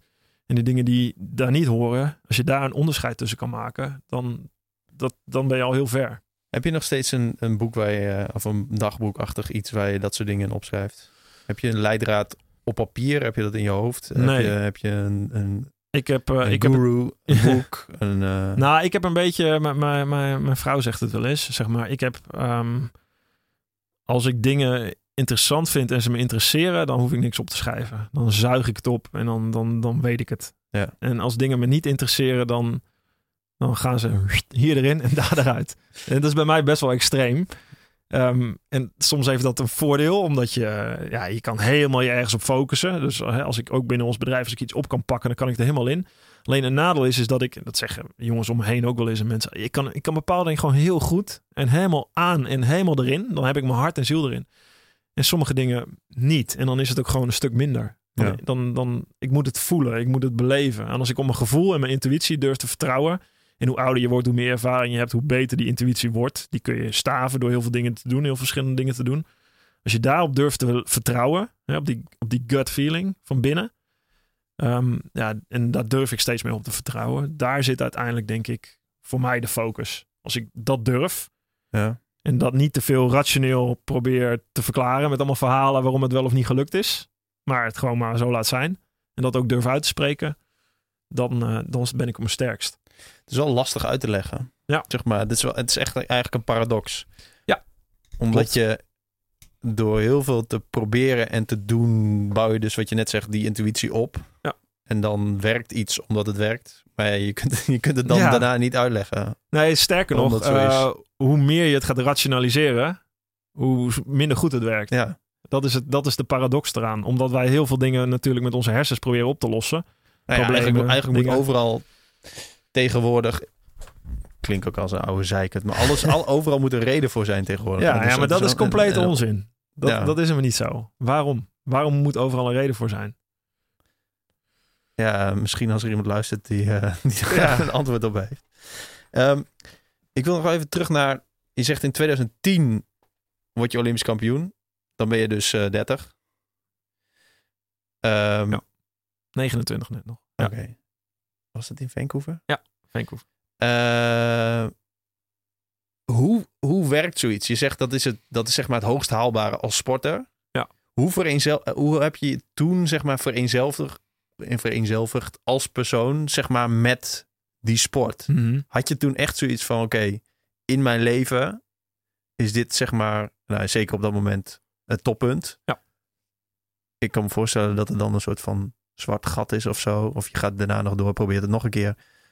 Hoe, hoe werkt zoiets in Ja. je brein? Ja, ik heb het niet meegemaakt. Nee, dat werkt best wel apart, moet ik zeggen. Voor mij helemaal omdat ik vier jaar geen wedstrijd had gewonnen. En eh, ik had alles op dat moment ook gericht. Eigenlijk eh, al mijn chips had ik daarop gezet en het lukte. ik weet nog wel dat het zeg maar... de- je was wel een verrassende kampioen, toch? Ja. Dat was wel gewoon opeens... Oh, hij, hij Ja, heeft hem huh? gewonnen. Ja, Dat ja was- absoluut. Dat was zeker verrassend. Alleen ik wist door trainingen en alles wat ik heb meegemaakt wel wat ik kon. Dus ik had er zelf wel geloof in. Alleen als dat dan lukt en dat, dan is het einde van een hele weg klaar. Dan, dan er is niks hogers meer. Dus daarna is dat best wel ook wel een hard gelach. Je, hebt, je ziet daar heel veel Olympisch kampioenen mee worstelen na afloop. Want dan ben je Olympisch kampioen. Dan denk je, nou, ik word iedere dag wakker en dan ben ik Olympisch kampioen. Dan kus ik mijn gouden medaille. Ja, mwah, geweldig. De sponsoren staan in de rij. Eh, aanbiedingen komen op me af. En eh, weet je, ik ga gewoon lekker doorschaatsen. En ik, ah, ik heb toch alles al gehaald. En dat, dat probeer je jezelf dan wijs te maken. Maar zo werkt je hersens misschien 1, 2, 3 maanden. Daar heb ik nog ook weer onderzoek naar gedaan trouwens. Dat blijkt zo echt zo te zijn. Is met heel veel mensen met psychologisch onderzoek. Of ze nou bijvoorbeeld verlamd raken of de loterij winnen. Twee hele uiterste dingen Mhm. naar een bepaalde tijd levelt hun geluksniveau weer. Ja. Dus na een bepaalde tijd zijn die of die miljonair of diegene die verlamd is geraken niet per se ongelukkiger van elkaar. Of even gelukkig zou je ook kunnen zeggen. Dus dat is best wel, daarom vind ik het fascinerend hoe je geest werkt, hoe je menselijk, hoe wij mensen werken. Dus bijvoorbeeld een, sy- een regulatiesysteem wat dus gewoon in je zit. En dat is ook echt zo, dat heb ik ook ervaren. Na drie maanden denk je, ja, ja, ik ben Olympisch kampioen. Ja, nou ja, leuk. Wanneer is het Nederlands kampioenschap? Oh ja, dat is in oktober weer. Pff, jezus, Nederlands kampioenschap. Wat een... Hè, dan kom je van die hele hoge berg. Nou, dan daal je weer af in dat dal. En dan eh, de eerste halte is dan weer eh, een Nederlands kampioenschap. Dan denk je, jemig, wat een... En ik had nog geen sponsor bijvoorbeeld. Het was economische crisis in 2010. Ik dacht, nou, het valt ook wel een klein beetje tegen allemaal. ik zei, het is niet helemaal wat ik er precies van gehoopt had eigenlijk. En dat heeft best wel twee jaar geduurd. Dat het best wel een struggle was. Omdat ik, ik was niet die jongen die alles win, won, zoals Sven Kramer. Weet je, ik moest ook voor die volgende wedstrijden altijd nog weer knokken. Mhm. En ik had het, dat was best wel een emotionele lading. Er kwam heel veel op me af en naar me toe. Er kwam niet heel veel terug in financiële waardering. Ehm, er kwam, eh, overal stond ik aan de start als de Olympisch kampioen. Dus de druk op je schouders ligt hoger. Je wil presteren. Heel graag wil je laten zien, ik kan het, ik kan het. Dus de hele, de hele vibe verandert waarop je presteert. De hele, je hele motivatie, je hele... Je moet eigenlijk alles opnieuw resetten. Daar heb ik echt twee jaar over gedaan voor mij. Voor mij was het punt dat ik bij Jack wegging. Twee jaar later bij Jack Ori, de coach waarmee ik toen tien jaar had getraind en Olympisch goud won. Dat was voor mij een soort afsluiting van een hele periode. Mhm. En daarna eh, ging er een heel blanco sheet open met nieuwe mogelijkheden. De laatste twee jaar. En dat, eh, dat, daar heb ik nog ontzettend veel lol gehad in schaatsen. Op, welke manier, op welke manier lol? zeg maar? Ehm, eh, ten eerste eh, meer autonomie, omdat, om, ook omdat ik mijn, ik had voor Jakke heb ik heel, heel veel geleerd natuurlijk. En ook ik dat, dat had het idee, als ik het zelf kan bepalen, mijn schema, dan ga ik toch iets anders doen. Ik had het altijd het idee, ik ben een andere persoon dan die andere schaatsers in een groep. Ja. Dus ik wil het zelf iets meer naar me toe trekken, wat goed voor mij is. Maar heb je toen die laatste jaar zelf... Was je je eigen coach? Ja, grotendeels wel. Ik, ik, ik zat in het team van Gerard van Velde en die was eindverantwoordelijk. Dus, maar ik heb veel meer met Gerard gespart over. En Gerard was een sprintcoach. Veel minder een 1500 meter lang afstandscoach. Dus ik heb Mhm. tegen Gerard gezegd: Weet je, ik ga mee in jouw lijn van de sprinters. En ik, daar heb, die heb ik ook nodig om mij beter te maken. Maar ik weet wel een paar dingen die voor mij werken. En ik wil gewoon ook ik wil met jou die lijn maken. Dus wat er op 1500 meter gebeurt, dat ga ik zelf invullen. Dus ik heb heel grote gedeeltes van het schema heb ik gewoon zelf bepaald en ingevuld. En ik heb bepaalde trainingen ontworpen die voor mij op dat moment dat ik dacht, nou, daar moet ik veel meer aan doen. Als je ouder wordt, moet je je lichaam anders prikkelen. Je moet veel heftigere prikkels toedienen, maar ook meer rust. Dus de, hè, de, Ja, je moet ze iets ja. uit elkaar trekken, die trainingen. Dus ik ging veel zwaardere trainingen ontwerpen, gericht op die 1500 meter, maar ook meer rust toevoegen daarnaast. En samen met een iets andere periodisering die Gerard toepaste, was dat voor mij een hele nieuwe. Ja, het was gewoon heel, helemaal alles werd, kon ik weer opnieuw uitvinden. En dat was zo leuk aan het einde van je carrière. Ja, dat is wel echt. Dat is wel echt master, man. Ik, ik, ja, het blijft natuurlijk gewoon rondjes schaatsen. Maar dat is, heel- dat is heel denigerend. Ja. Is er, is er, ik, heb, ik heb ook één, één winter op schaatsen gezeten. In Assen. ja, Was wel echt cool. Eh, voor één winter. voor één winter. dat je nog steeds om, door Ingmar Bergma, Ingmar Bergma voor, voorbij gereden. Ja, waarschijnlijk. maar ook letterlijk. Want die zat dan... Hij is volgens mij... een van de hij beste marathonschaters van Nederland. Ja, ja hij zat, hij zat eh, bij mijn eh, zus altijd in de klas. Volgens mij was hij Ja. twee jaar ouder dan ik. Dus al op het moment dat ik daar... Volgens mij was het in de brugklas dat ik eh, op schaatsles zat. Op de ijsbaan. En ja, dan zat hij twee groepen. Ja. of weet ik veel, twee. Ik weet niet hoe, die, hoe dat zit met die groepen. Veel met hem geskielerd nog. Maar oh ja, dat, was hij, dat kon hij ook. Dat won hij ook alles, toch? Ja. Zeker. Eh, maar ehm, ehm, oh ja, mijn vraag is eigenlijk... Jij eh houdt je nu natuurlijk ook nog heel erg bezig met, eh, met schaatsen. Ik, ben, ik heb het heel lang heb ik het heel tof gevonden, ook toen ik, toen ik zelf schaatste. Daarna vond ik het heel erg saai worden. Ik ben het een beetje... een beetje ja, ik heb niet echt een, een, een mening meer over. Maar mijn Mhm. vraag is eigenlijk... Nederland is nog steeds goed. Ja. Ehm, is er nog... Is er veel veranderd? Bijvoorbeeld in trainingsmethode of professionalisering of Mhm. sponsoren. Hoe groot is Ja. de sport Ja.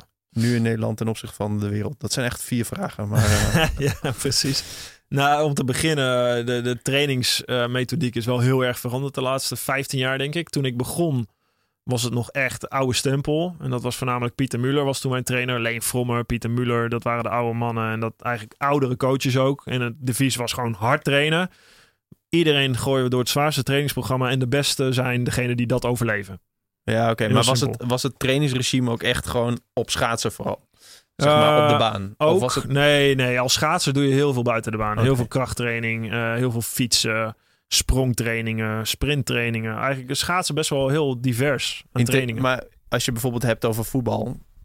Dat was Ja. een aantal jaar geleden nog echt wel vooral op het veld. eh, Zeg Ja. maar. En ja, maar dat is ook nee, dat is ook heel erg veranderd. Ik denk dat voetbal een goed voorbeeld is van hoe de trainingsmethodiek de laatste jaren veranderd is. Als voetballer moet je tegenwoordig een atleet zijn. Al die voetballers die op het veld staan, nou ja, bijna allemaal zijn fysiek top in orde. Doen aan krachttraining, ehm, mentale training. Het, is gewoon, het zijn echt atleten geworden. Ja. Dat zie je echt een groot verschil. En daar zijn de, de sprintsnelheden in het voetbal zijn hoger geworden. Eh, de intensiteit is hoger geworden. Ze spelen meer wedstrijden, meer stijl. Dus da daar is een hele. Ja, het zijn allemaal performance coaches die nu in het voetbal zitten. Ehm, Ja. Daar spreek ik weer veel, veel mee met, met voor First ook, voor First Energy Gum. Maar in het schaatsen is dat al iets langer aan de gang, al 10, 15 jaar. En daar heeft Jack, Jack Ori denk ik ook een hele belangrijke rol in gespeeld. Dus een bewegingswetenschapper natuurlijk. Die werd mijn coach nu in 2002. Ehm, en, en, en Gerard Kemkers ook wel. Dat was veel meer een wetenschappelijke basis van hoe moeten we trainen. Ehm, niet alleen maar hard trainen, maar slim trainen. Hoe zorgen we voor arbeidsrustverhoudingen? Wat kunnen we nog veel meer doen? Alleen hard rondjes rijden. Hoe moeten we de krachttraining daarop aanpassen? Want schaatsen is ook een krachtsport. Ehm, hoe moeten we, hè, vroeger was alles hard, maar uiteindelijk kwamen we erachter, ja, dat fietsen wat je doet, moet je misschien maar heel rustig doen op een bepaalde hartslagzones. En Mhm. die moet je zo indelen, zodat je herstel pakt, zodat je aer- aerobisch systeem goed getraind wordt, zodat je de dag erop eh, heel hard tekeer kan gaan op een intervaltraining. En wat veel specifieker is voor schaatsen. Dus die, die methodieken die zijn heel erg veranderd. En daar lo- loopt Nederland heel erg voor op. Het is niet voor niks dat allemaal schaatscoaches nu de hele wereld over zijn gevlogen. Dat is een exportproduct, schaatscoach van Nederland. Eh, omdat iedere schaatscoach die in Nederland heeft gewerkt en die keuken heeft gekeken de afgelopen Ja. 10, 15 jaar. Heb, je dan, heb je dat nooit overwogen om dan in die schaatsport nog op die manier zo verder te gaan? Jawel, heb ik, heb ik ook wel overwogen. Eigenlijk lijkt het me stiekem best wel heel, heel leuk om schaatscoach te zijn. Omdat er heel veel... Hè, schaatsen is inderdaad... Als je het ziet van gewoon rondjes rijden, dan is het heel saai. Maar er zit zoveel in. Eh, hoe diep je zit, hoe je een bocht aansnijdt, technisch. Je materiaal, je periodisering, hoe je trainingsschema's schrijft. Hoe je met een team om moet gaan.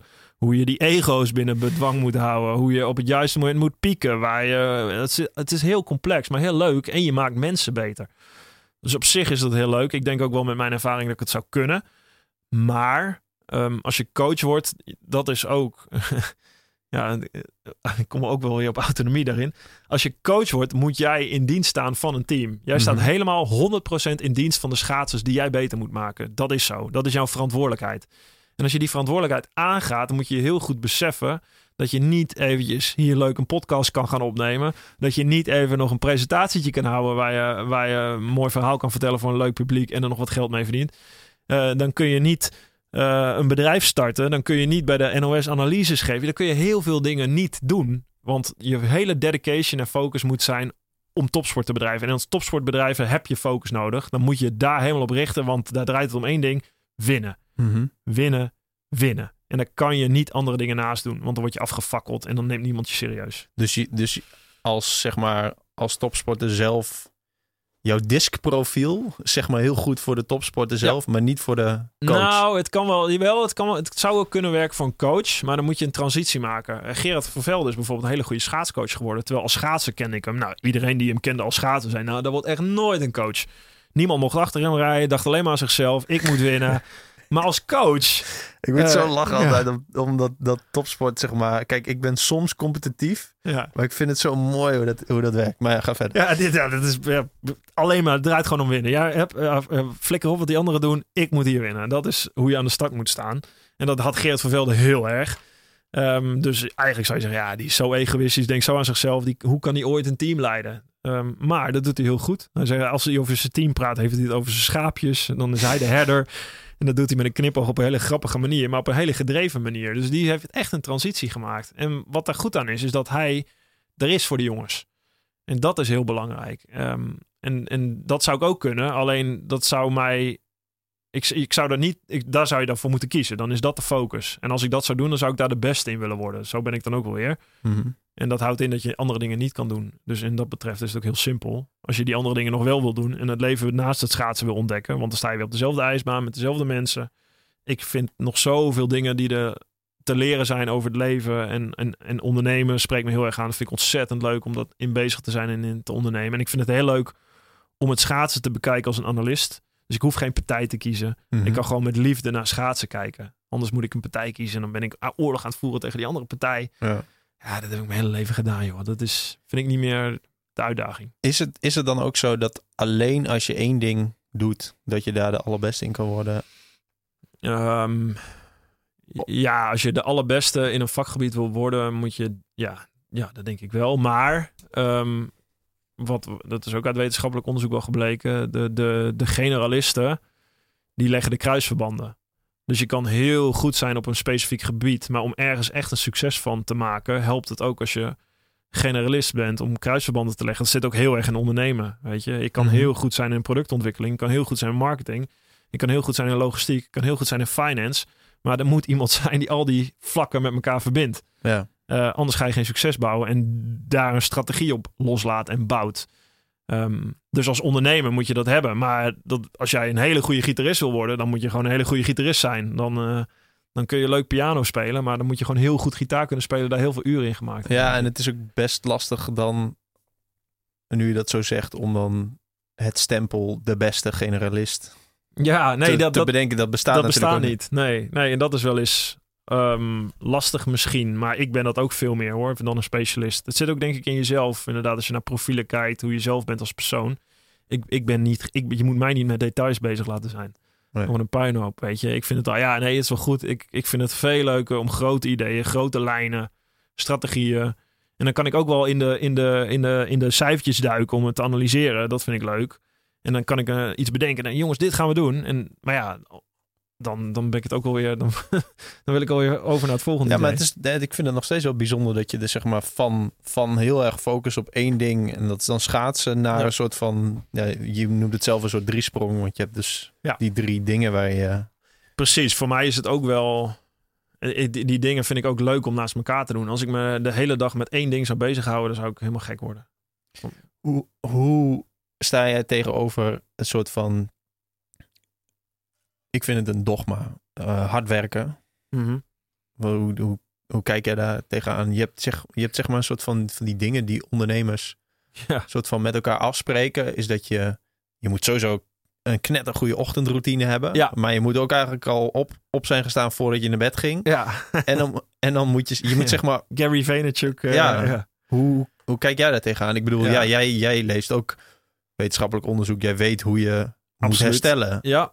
Ja, nou, ik, ik, Zeg ik, daar ik, eens ik- iets van. Ja, nou ja, daar kan ik wel iets over zeggen. ik, ik volg ze natuurlijk ook. De ondernemers, de Elon Musk, die, eh, die dagen draait, eh, drie, drie CEO-functies combineert en on- onwaarschijnlijke dingen doet. Ehm, en aan de andere kant, ja, zo'n Gary Vaynerchuk, die, die heel veel dingen roept. Natuurlijk ook heel veel zinnige dingen zegt wel over ondernemen. Maar, en ik ken natuurlijk alle podcasts en dingen met, met life hacks. En we gaan een ochtendroutine, moet je zo iedere dag doen.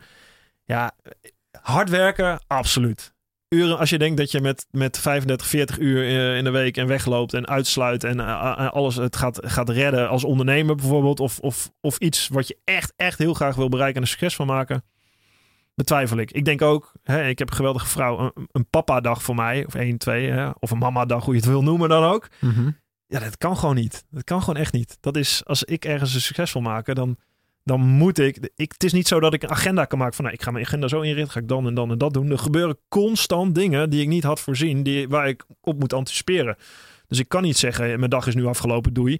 Maar dat houdt niet in dat je jezelf heel erg moet beschermen. wel in dat je jezelf heel erg moet beschermen.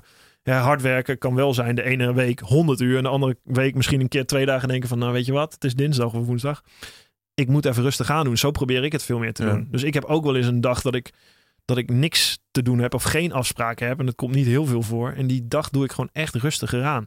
En ik geloof niet in een. Ik geloof voor mezelf, misschien dat het voor andere mensen werkt. Ik geloof niet in een ochtendroutine van je moet vier uur opstaan. Je gaat twee uur aan het werk. Je doet nog een meditatiesessie. Zoveel gezond ontbijt. Je gaat met je kinderen. Nah. Ja, dat, ja, nee, ik, ja, ik vraag me af hoeveel mensen dat echt volhouden. Dus hetzelfde als met diëten.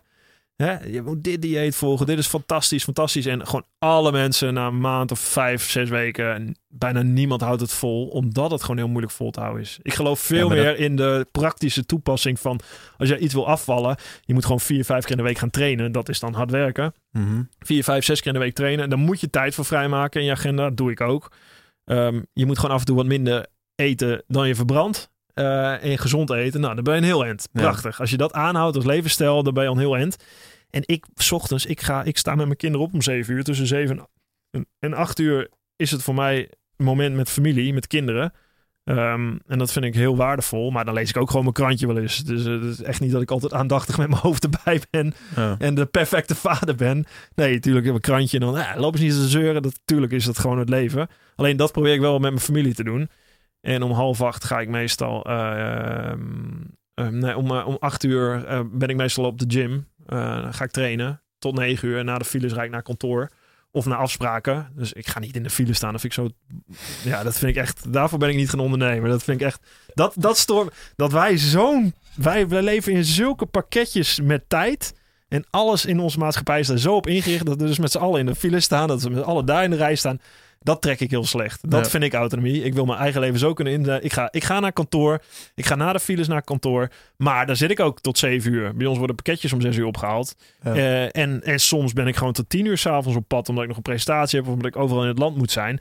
Dus, dus de rest van de hè, mensen zeggen wel eens: van, ah ja, zo, je hebt ook wel een lekker leefje hier en daar en daar. Ja, soms ben ik ook wel eens thuis op een woensdagmiddag. Als ik toevallig dat kan zijn. Mhm. Maar heel vaak eh, zie ik mijn kids tussen 7 en 8 uur 's ochtends. En, en om 10 uur ben ik thuis. En dan ben ik blij dat ik nog met mijn vrouw een, een theetje kan drinken. Voordat we naar bed gaan. Want dat doe ik wel. Ik ga wel. eh, ik ga wel om 10 uur begint wel mijn naar bed gaan routine. En vaak lees ik nog een boek. En dan vaak, vaak slaap ik wel om gewoon om half elf. Dus ik slaap wel vroeg. Mhm. En ik slaap wel veel. Eh, ik maak altijd wel acht uur. En, en dat, als ik dat doe, acht uur slapen, op mijn eten let, vier, vijf keer in de week train. Nou, dan heb ik zoveel energie over om al het andere aan te kunnen. Alleen het is nooit een vaste routine. Daar baalt mijn vrouw wel eens van. Want je- eigenlijk kan nooit iemand van mij op aan. Ik kan nooit Ja. zeggen, oh, dan ben ik er voor je en dan ben ik er voor jou. Tuurlijk kan ik dat wel eens, maar dan moet ik echt twee maanden van tevoren zeggen. Laatst, ik ben voor met mijn vrouw een week in Oslo geweest. Daar heb ik echt twee maanden van tevoren gezegd. Oké, schat, ik weet niet wat we gaan doen, maar we moeten echt met z'n tweeën weg. We gaan deze drie dagen. Die hou ik helemaal vrij, ga ik niks doen. Ja. En dat hou ik me dan ook echt aan. En dan kijken we wat we gaan doen. Maar als ik, daar moet ik op letten. Dat ik, als ik dat niet doe, dan maar gaat alles je- alle kanten op. De structuur is wel, zeg maar, je slaap is wel dan je prioriteit. Ja, slaap is mooi- mij echt belangrijk. Dat is mijn allereerste podcast, de best geluisterde ook met Paul Bosma, legend. Shout-out. Over dat slaap, sinds die podcast, dat is meer dan twee, Ja, 2,5 jaar geleden, is slaap mijn prioriteit. Dus eh zo belangrijk. shout-out Mark uh, het ook. Ja, Ehm, maar het is, rest- zo, het, is zo, het is zo aantrekkelijk om nog even een tv... Ik, dat, ik kijk ook bijna geen tv of Netflix. Ik, ik ga echt, ik probeer echt om half tien een rondje met de hond te lopen.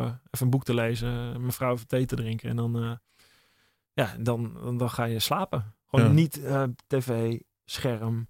Gewoon dat afbouwen. En echt op tijd naar bed. Want anders, wat doe je? Dat vind ik echt... In de file staan vind ik nutteloze tijd. Maar ergens een beetje op een bank hangen en maar nog een programma kijken om een uurtje later naar bed te gaan, dat vind ik ook echt. ben je daar veel mee Nutteloos. bezig met hoe efficiënt je dag is, zeg maar? Ben je een soort van... Ja, ik, ben, ik denk niet heel bewust, maar onbewust wel. Ja, ja. Ik hou echt van efficiëntie. Ik hou, als ik een afspraak heb die helemaal ergens buiten valt en ergens ver weg is, daar baal ik van. Ik, ik probeer liefst wel efficiënt te zijn in mijn tijd. Maar ook zeg maar dat je in je, in je auto dan je, je telefoontjes gaat doen en dat soort... eh, Ja, ja, ja. En dat, is niet dat ik dan wel plan om in mijn auto precies volgens afspraak te doen. Maar ik zit wel in mijn auto, eh, eh, zeker. Ja ik, ja, ik zit ook wel eens te bellen of heel soms te appen. Wat ik niet moet doen, maar wat, ja, dat- ja, wat Ja. ik, ja, maar dat zijn wel, ja, het zijn dingen allemaal die, dat heb ik wel eens het idee van, ik, ik zou wel eens af en toe eh, iets meer rust willen. Voor mijn hoofd ook. Soms doe ik het ook wel hoor. Dan zet ik gewoon een muziekje op. Als ik, ik, en ik voer wel gesprekken in de auto. Maar als het echt belangrijke gesprekken zijn, doe ik het niet. Ik, ik, ik kan niet bellen. Ik kan niet mijn hoofd helemaal erbij hebben in de auto. Dat merk ik wel. Als het een leuk gesprek is met een vriend of gewoon los, dan prima. Maar zakelijk vind ik het ook wel lastig. Ja, oké. Dan zet ik liever een muziekje op of een podcast. Wat zijn je favoriete podcasts? Ik vind die van, ja, van Joe Rogan vind ik echt, eh, vind ik echt top. Ik, ik vind, Kun je eh, hem bijhouden, zeg maar? Nou, ik, lees, ik luister ze niet helemaal. Drie uur, eh, drie uur lang. Ja, sommige discussies vind ik heel leuk. Andere iets minder. Ik vind, eh, ik, ik vind de kortere podcast ook wel leuk. Daily, Stoic eh, volg ik wel. Ehm, online marketing podcast bijvoorbeeld ook. Eh, je hebt een hele leuke van, eh weet je ook Neil Patel en Eric Sue. Twee jongens die, eh, die eh, in vijf minuten eh, iets, een onderwerp online marketing pakken. In vijf minuten. Ja, iedere dag, vijf minuten. Ja, Ah. maar dat kan zijn Google ranking, noem maar iets. eh ja. dat- e-mail marketing. eh, en één, één, één, één onderwerp in vijf minuten iedere dag. Dat vind ik ook nog wel concepten. Maar ja, Tim Ferriss vind ik ook leuk. Hoe vaak podca podcast je zelf?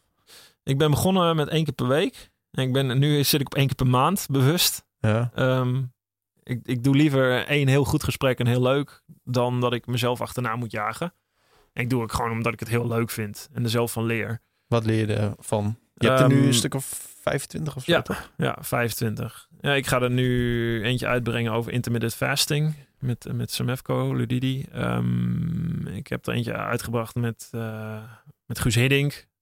Oh, Nou, vet. ik- Ja, dat is leuk. Gewoon, gewoon bijvoorbeeld die vertelt hoe die, hoe die als, als, als jochie al goed kon voetballen, maar ook al een team trainde met moeilijk opvoedbare kinderen. Mhm. En wat hij van die moeilijk opvoedbare kinderen trainen leerde toen hij later met de grote egeltjes van Real Madrid aan de slag moest. Hij zo, het is precies hetzelfde.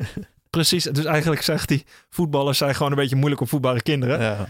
En dat vind ik ook. Dat vind ik wel, om even een zijsprong te maken. Als je het hebt over ehm, autonomie of wat, wat drijft je. Ik, wat ik wel zie om me heen, is de mensen, hè, over gewoon, ongewoon.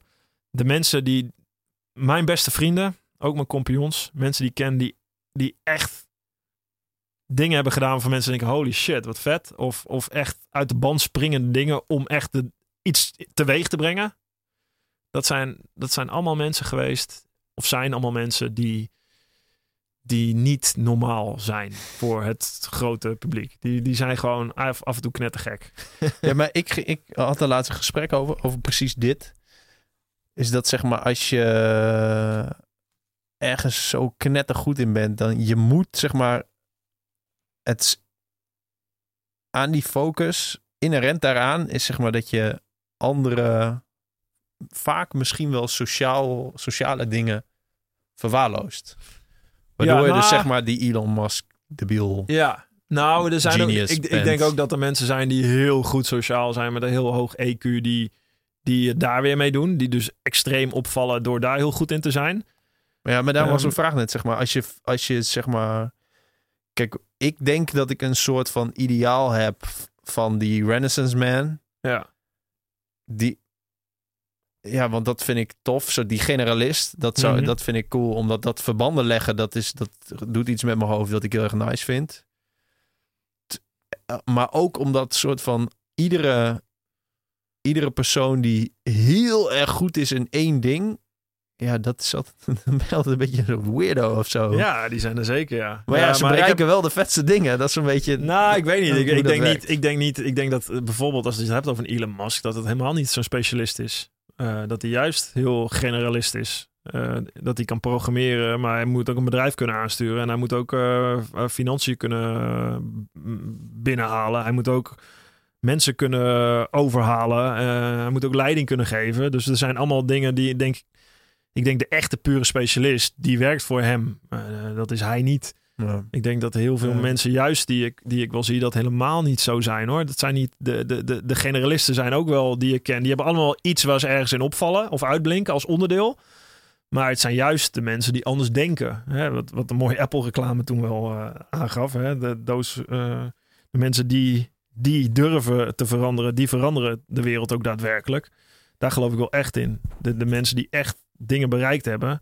Dat was een Zeg slogan maar, toch ook? ja. Think, think different. Ja, think different. Ja, ja de mensen die echt, echt dingen bereikt hebben, ehm, die, die dachten anders of die deden anders of die durfden meer. Die sprongen juist uit de ban van de rest. En per definitie werkt het dan omdat je, hè, je, hebt, je hebt gewoon een, een gemiddelde van alle mensheid. En je hebt een soort normaalverdeling. En daarbij de uiteindes zitten aan de ene kant de criminelen, de mafiosi. Taleb trouwens ook over schrijft. Ja. En aan de andere kant eh, misschien wel de, de, de, de topsporters, intellectuele ondernemers. Dat zijn gewoon de uiteinden van, van de maatschappij. Mhm. Ehm, en die, die, die, of ze, ze plegen moorden, of, ze- of ze. ze het, maar het, het zit een beetje, daar moet je denk ik in zoeken. Dat dat de verdeling is gewoon hoe de maatschappij in elkaar zit. En er zit geen, er zit geen waardeoordeel aan. Hè? Ik heb even met Stoïcijns filosofie om de hoek. Er zit geen waardeoordeel aan. Het is niet goed of slecht. Eh, dit is hoe de maatschappij in elkaar zit. Ik vraag me wel eens af, ja, waar sta ik? Nou, ik, ik denk dat ik ook wel ergens bij een uiterste ergens sta. En waarom wil ik dat per se? Hè? Ik zeg, ik wil dingen bereiken. Ja, waarom wil ik dat eigenlijk? Ik weet het ook niet. Ik, Maar vind dat, ik word er blij van. Je hebt toch heel veel verschillende domeinen. Ik bedoel, dit is niet één normaalverdeling. Ik bedoel, jij bent, je hebt de gemiddelde lengte, zeg maar. Om Ja. maar iets te noemen, zeg maar. Je bent niet heel erg lang. Nee, maar ik bedoel meer een normaalverdeling op... op ehm, tuurlijk heb je allemaal verschillende... Maar ik bedoel meer een normaalverdeling op, op, op veiligheid. Of de gewone normale mens. Kijk, de normale mens gaat Qua wel... risico nemen, bedoel je? Ja, nou, de normale mens is gewoon in loondienst. Eh, die heeft een baan. eh, die staat wel in die file daar. En, die, en er is niks mis mee. Dat is niet goed of slecht. Maar dat is eh, wel hoe de gemiddelde... Die heeft een gemiddeld inkomen. En dat is een hele grote bulk met heel veel mensen. En aan de uiteinde zijn er een paar mensen die daar helemaal niet aanpassen. Die inpassen. En die denken van, nou ja, weet je... En die belanden in de gevangenis. Die gaan drugs eh, smokkelen. Of die gaan... Omdat ze... Die vinden ze hun weg niet. Door wat ze ook hebben meegemaakt misschien in hun leven. En aan de andere kant... eh, zitten er misschien ondernemers en dat wordt dan, hè, dat wordt dan eh, of sporters, die worden op het schild gehezen als het succesvol zijn. Maar dat, dat zijn aan de andere kant, als ze niet succesvol zijn, misschien ook als het eerst belanden aan die andere kant. Ja, die precies. worden op het schild gehezen, de anderen worden naar de kop ingedrukt. De, de linkerkant wordt, wordt, wordt verguisd. eh, en terecht als ze, als ze de wet overtreden. En de andere kant wordt op het schild gehezen. En, en dat, de, normaal, het publiek zit er tussenin eigenlijk waren, als het ware. En eh, dat vind ik fascinerend aan het leven. Dus als je, als je echt het verschil wil maken en echt uitzonderlijke dingen wil doen, dan moet je aan die uiteinden zijn. De vraag voor jezelf is: waarom zou je dat überhaupt willen? Nou ja, de vraag is ook, zeg maar, die uiteinden zijn niet voor niets uiteinden, omdat het, het zijn maar weinig mensen. Ja. En er zijn twee soort van trends die ik wel bijzonder vind. Is dat aan de ene kant vindt, zeg maar, een soort van heel veel mensen vinden dat je het gemiddelde moet zijn. Maar dat kan niet, want het gemiddelde is, zeg maar, het gemiddelde van, Ja. van alle, alle maar waar, waar kom, je bij deze aanname? Hoeveel heel veel mensen vinden dat je gemiddeld moet zijn? Nou ja, het cliché, doe maar gewoon, dan doe je al gek genoeg. Mhm. bewijst het eigenlijk, zeg maar, ja, doe nou maar normaal. Terwijl, ja, nee, ja, iedereen doet gewoon allemaal een beetje gek. En, en die mensen aan die uiteinden doen extreem gek. ja. En samen zijn we dan het gemiddelde, zeg maar. Ja. Ik bedoel, heel veel mensen staan in die file, maar er zijn ook mensen die voor die file gaan en mensen die naar die file gaan. Maar dat zijn er minder, want anders, snap je, anders was die file Nee, dan was die hele verdeling er niet. Ehm, en het zijn maar weinig mensen die bijzondere dingen doen. En ik, ik zie bijvoorbeeld op Instagram dat dat, en dat is, dat is niet mijn quote, maar dat het bijzondere het nieuwe normaal is. Zeg maar. Je, Ja. ziet, je ziet je hele timeline is alleen maar Ja. een overzicht van hele bijzondere dingen. Waardoor je dus ja, denkt, maar dit zijn echt, dit, is- dit is een heel vertekend beeld, denk ik, wat, wat Instagram en Facebook eh, schetsen. Dat is natuurlijk niet zo. Wat is bijzonder? Dat is, ik denk dat er heel veel mensen aan die hele bijzondere kant zitten die je helemaal nooit ziet of nooit iets van hoort. Of die op hun bek gaan en helemaal nooit aan het succes komen, maar wel heel bijzonder zijn, maar terugvallen. ja, of in precies. die normaalverdeling of helemaal aan de andere kant. Dus ik denk dat er heel veel mensen. Ik denk dat helemaal door, die, door de huidige social media en, zo'n vertekend beeld ontstaat dat iedereen ook denkt dat hij dat kan zijn of wil zijn. Weet je, dat is of wil zijn voornamelijk. Dat is meer de vraag. Daarom zeg ik het ook. Zei ik net, er, waarom zou je er überhaupt willen zijn? Want iedereen verheerlijkt het op een of andere manier. Ondernemer, topsporter, het is allemaal prachtig. eh, Wauw, wauw, fantastisch. Maar mind you, dat is godverdomme ook tyfus zwaar. Ja. Je moet door het dal heen. Je, moet, je komt jezelf tegen. Het is verschrikkelijk. En als ondernemer ook. Je loopt financieel risico. Je bent altijd met je hoofd bezig. Je- het is nooit een keer dat je van... Oh, oh, fijn dat, eh, dat, mijn, dat mijn man of mijn vrouw een keer thuis is... en niet aan zijn bedrijf denkt. Heb ik nog nooit gehoord. Mijn vrouw zei... Mark heeft een linkerschaats, een. Dan kom ik. Nou, dat is een beetje gechargeerd. Maar... Weet je, het is, dat heeft ook heel veel implicaties. En wat we, allemaal, wat we allemaal willen en allemaal denken is denk je, ja, oh, dat is een mooi leven. Ik wil veel reizen. Ja, ik wil ondernemen. Ik wil dat doen. Maar ik wil ook op mijn dertigste kinderen. En ik wil ook eh, een huisje. En ik wil ook een vast inkomen. Ehm, oh ja, en ik wil ook nog tijd voor mijn familie. Ja, dat gaat niet. Nee. Dat, is, dat kan niet. Je Nee. kan niet zeggen, oh, ik wil ook kinderen en ik wil ook dat en ik wil dat. En ik wil een gelijkwaardige relatie met vrouw, man, allebei kinderen, allebei dat, en allebei ondernemen. En dat kan gewoon niet. Dus dat is de fout die mensen maken. Het is een ideaal plaatje, alleen je ziet niet wat erachter ligt. En je ziet al helemaal niet welke keuzes je ervoor moet maken om daar te komen. En dat impliceert dat als je dat zou willen, jezelf ook hele keiharde keuzes zou moeten willen maken. En de vraag is, wil je dat überhaupt? Nou, dat willen heel veel mensen niet. Nee, precies. Nou ja, dat is wat jij dus nu zegt, is eigenlijk de nuance van wat ik probeerde te zeggen net. Ja. Is dat als je ergens heel erg goed in bent, dat je, de rest, je, mo- je moet de rest Afza- niet per se ja. verwaarlozen, maar je kunt niet. Nee, de, de rest, je moet ruis kunnen elimineren. Dus je moet heel goed kunnen filteren wat signaal is en wat ruis is. Ehm, en dat, dat is wel, dat haal ik ook wel uit mijn topsport bestaan. Dat moet je als topsporter wel leren om, om een andere reden. Anders red je het gewoon niet. Dan kom je er niet. Je moet heel goed filteren wat jou helpt in je prestatie en wat niet. Hoe kun jij dat? Eh, en als topsporter was dat, was dat best wel makkelijk op een gegeven moment. Ehm, Zit je dan ook gewoon in een soort omgeving waarin geen ruis kan bestaan? Ja, ja die, die neem je weg. Ik woonde naast de ijsbaan. Dat is niet voor niks. Dat is gewoon om Ja. reistijd, ruis weg te halen. Om zoveel, zo min mogelijk reistijd te creëren.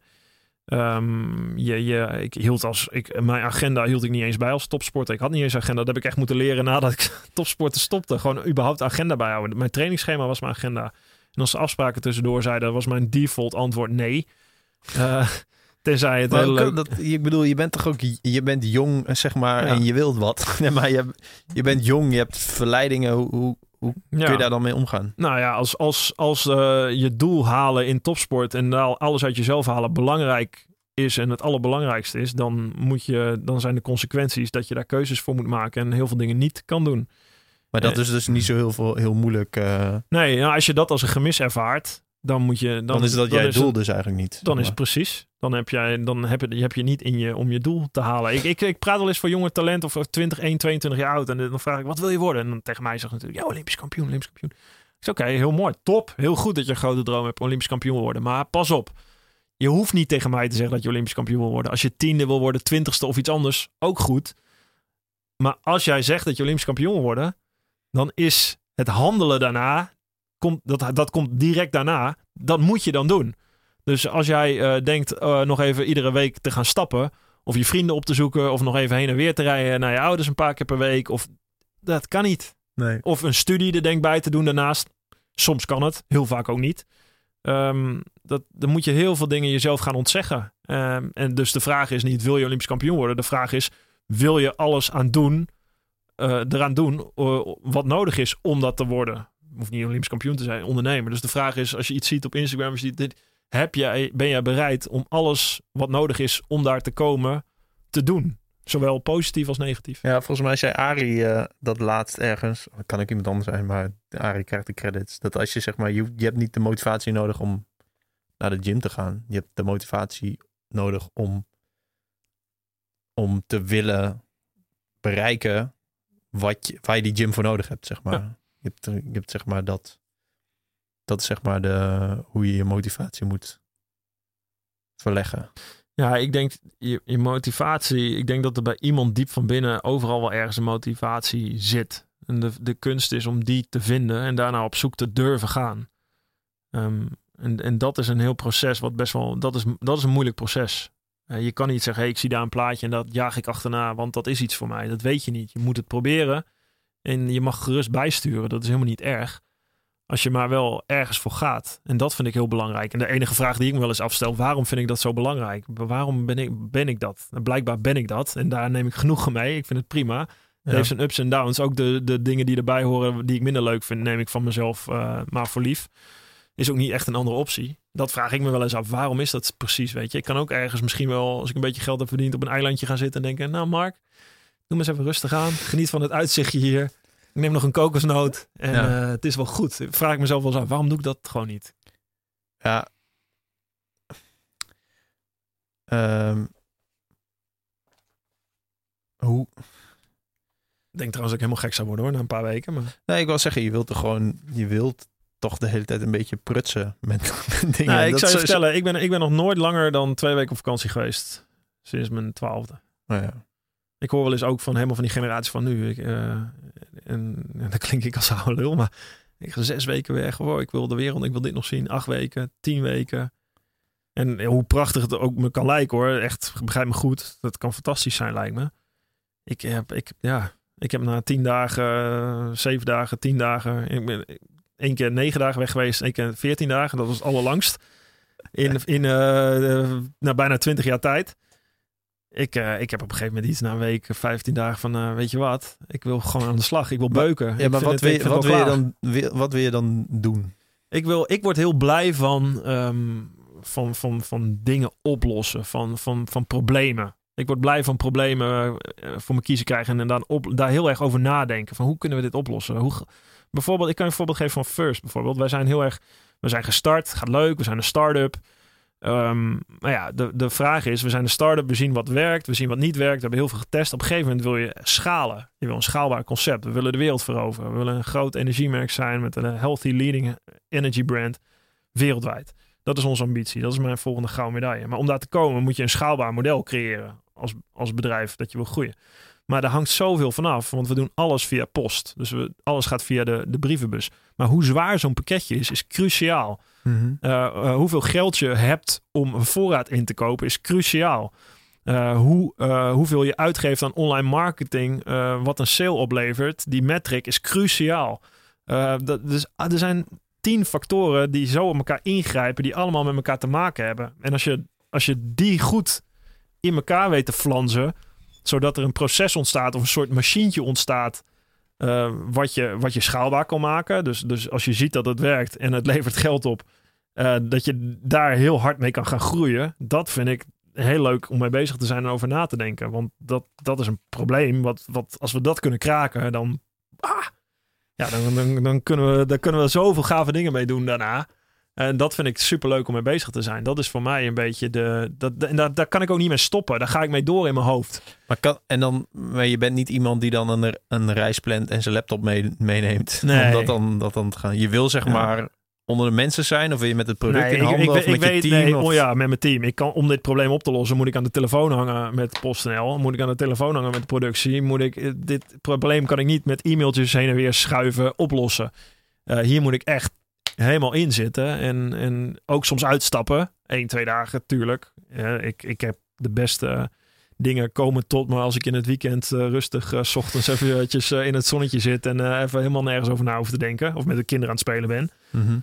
Maar dat vind ik leuk. Ik, ik, als ik één, twee weken ergens zou zitten. Het ideaalbeeld, dat snap ik ook niet misschien helemaal hoor. En ik, ja, of, hè, ik, ik weet dat de hele goede specialisten Eh, dat weet ik uit ervaring. Die zitten inderdaad misschien wel op Bali of op Sri Lanka eh, met een laptopje en een zon achter met die kokosnoot. Die proberen het misschien te combineren. Ik zei, waarom ja. zit ik niet in een mooie bounty-eiland op achter een kokosnoot?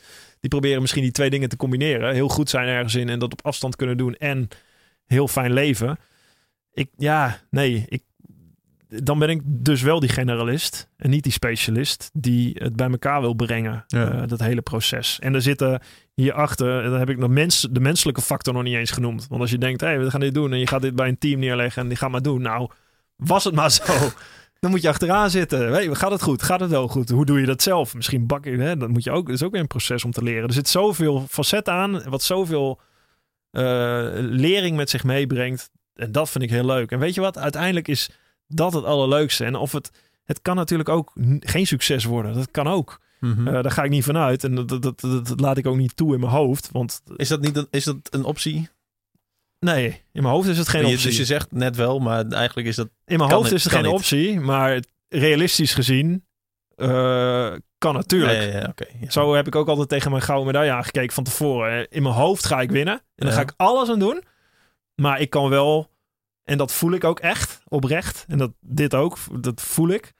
Maar ik probeer mezelf wel ehm, Ja, dat is toch stoïcijns? Ik ja, bedoel, precies. Je moet, je Dit moet is wel... Ik probeer mezelf te herprogrammeren van, ja, realistisch gezien is de kans dat dit lukt, dat, of dat het faalt, die is er ook. Mhm.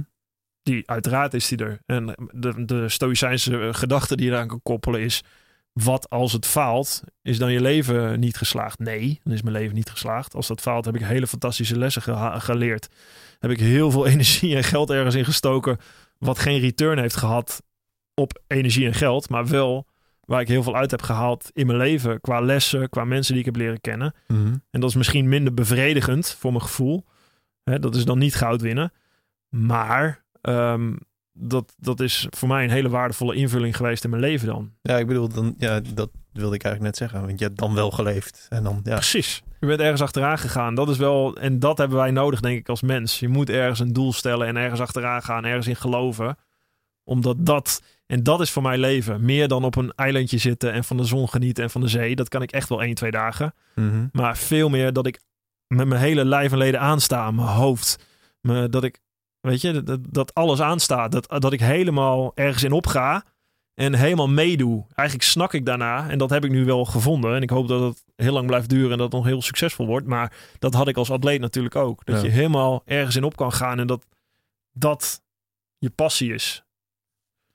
Dat, is wel, dat is wel echt tof. Ik, eh, ik heb wil nog één ding weten. Een belangrijk ding. Yes. Je zegt dat je geen...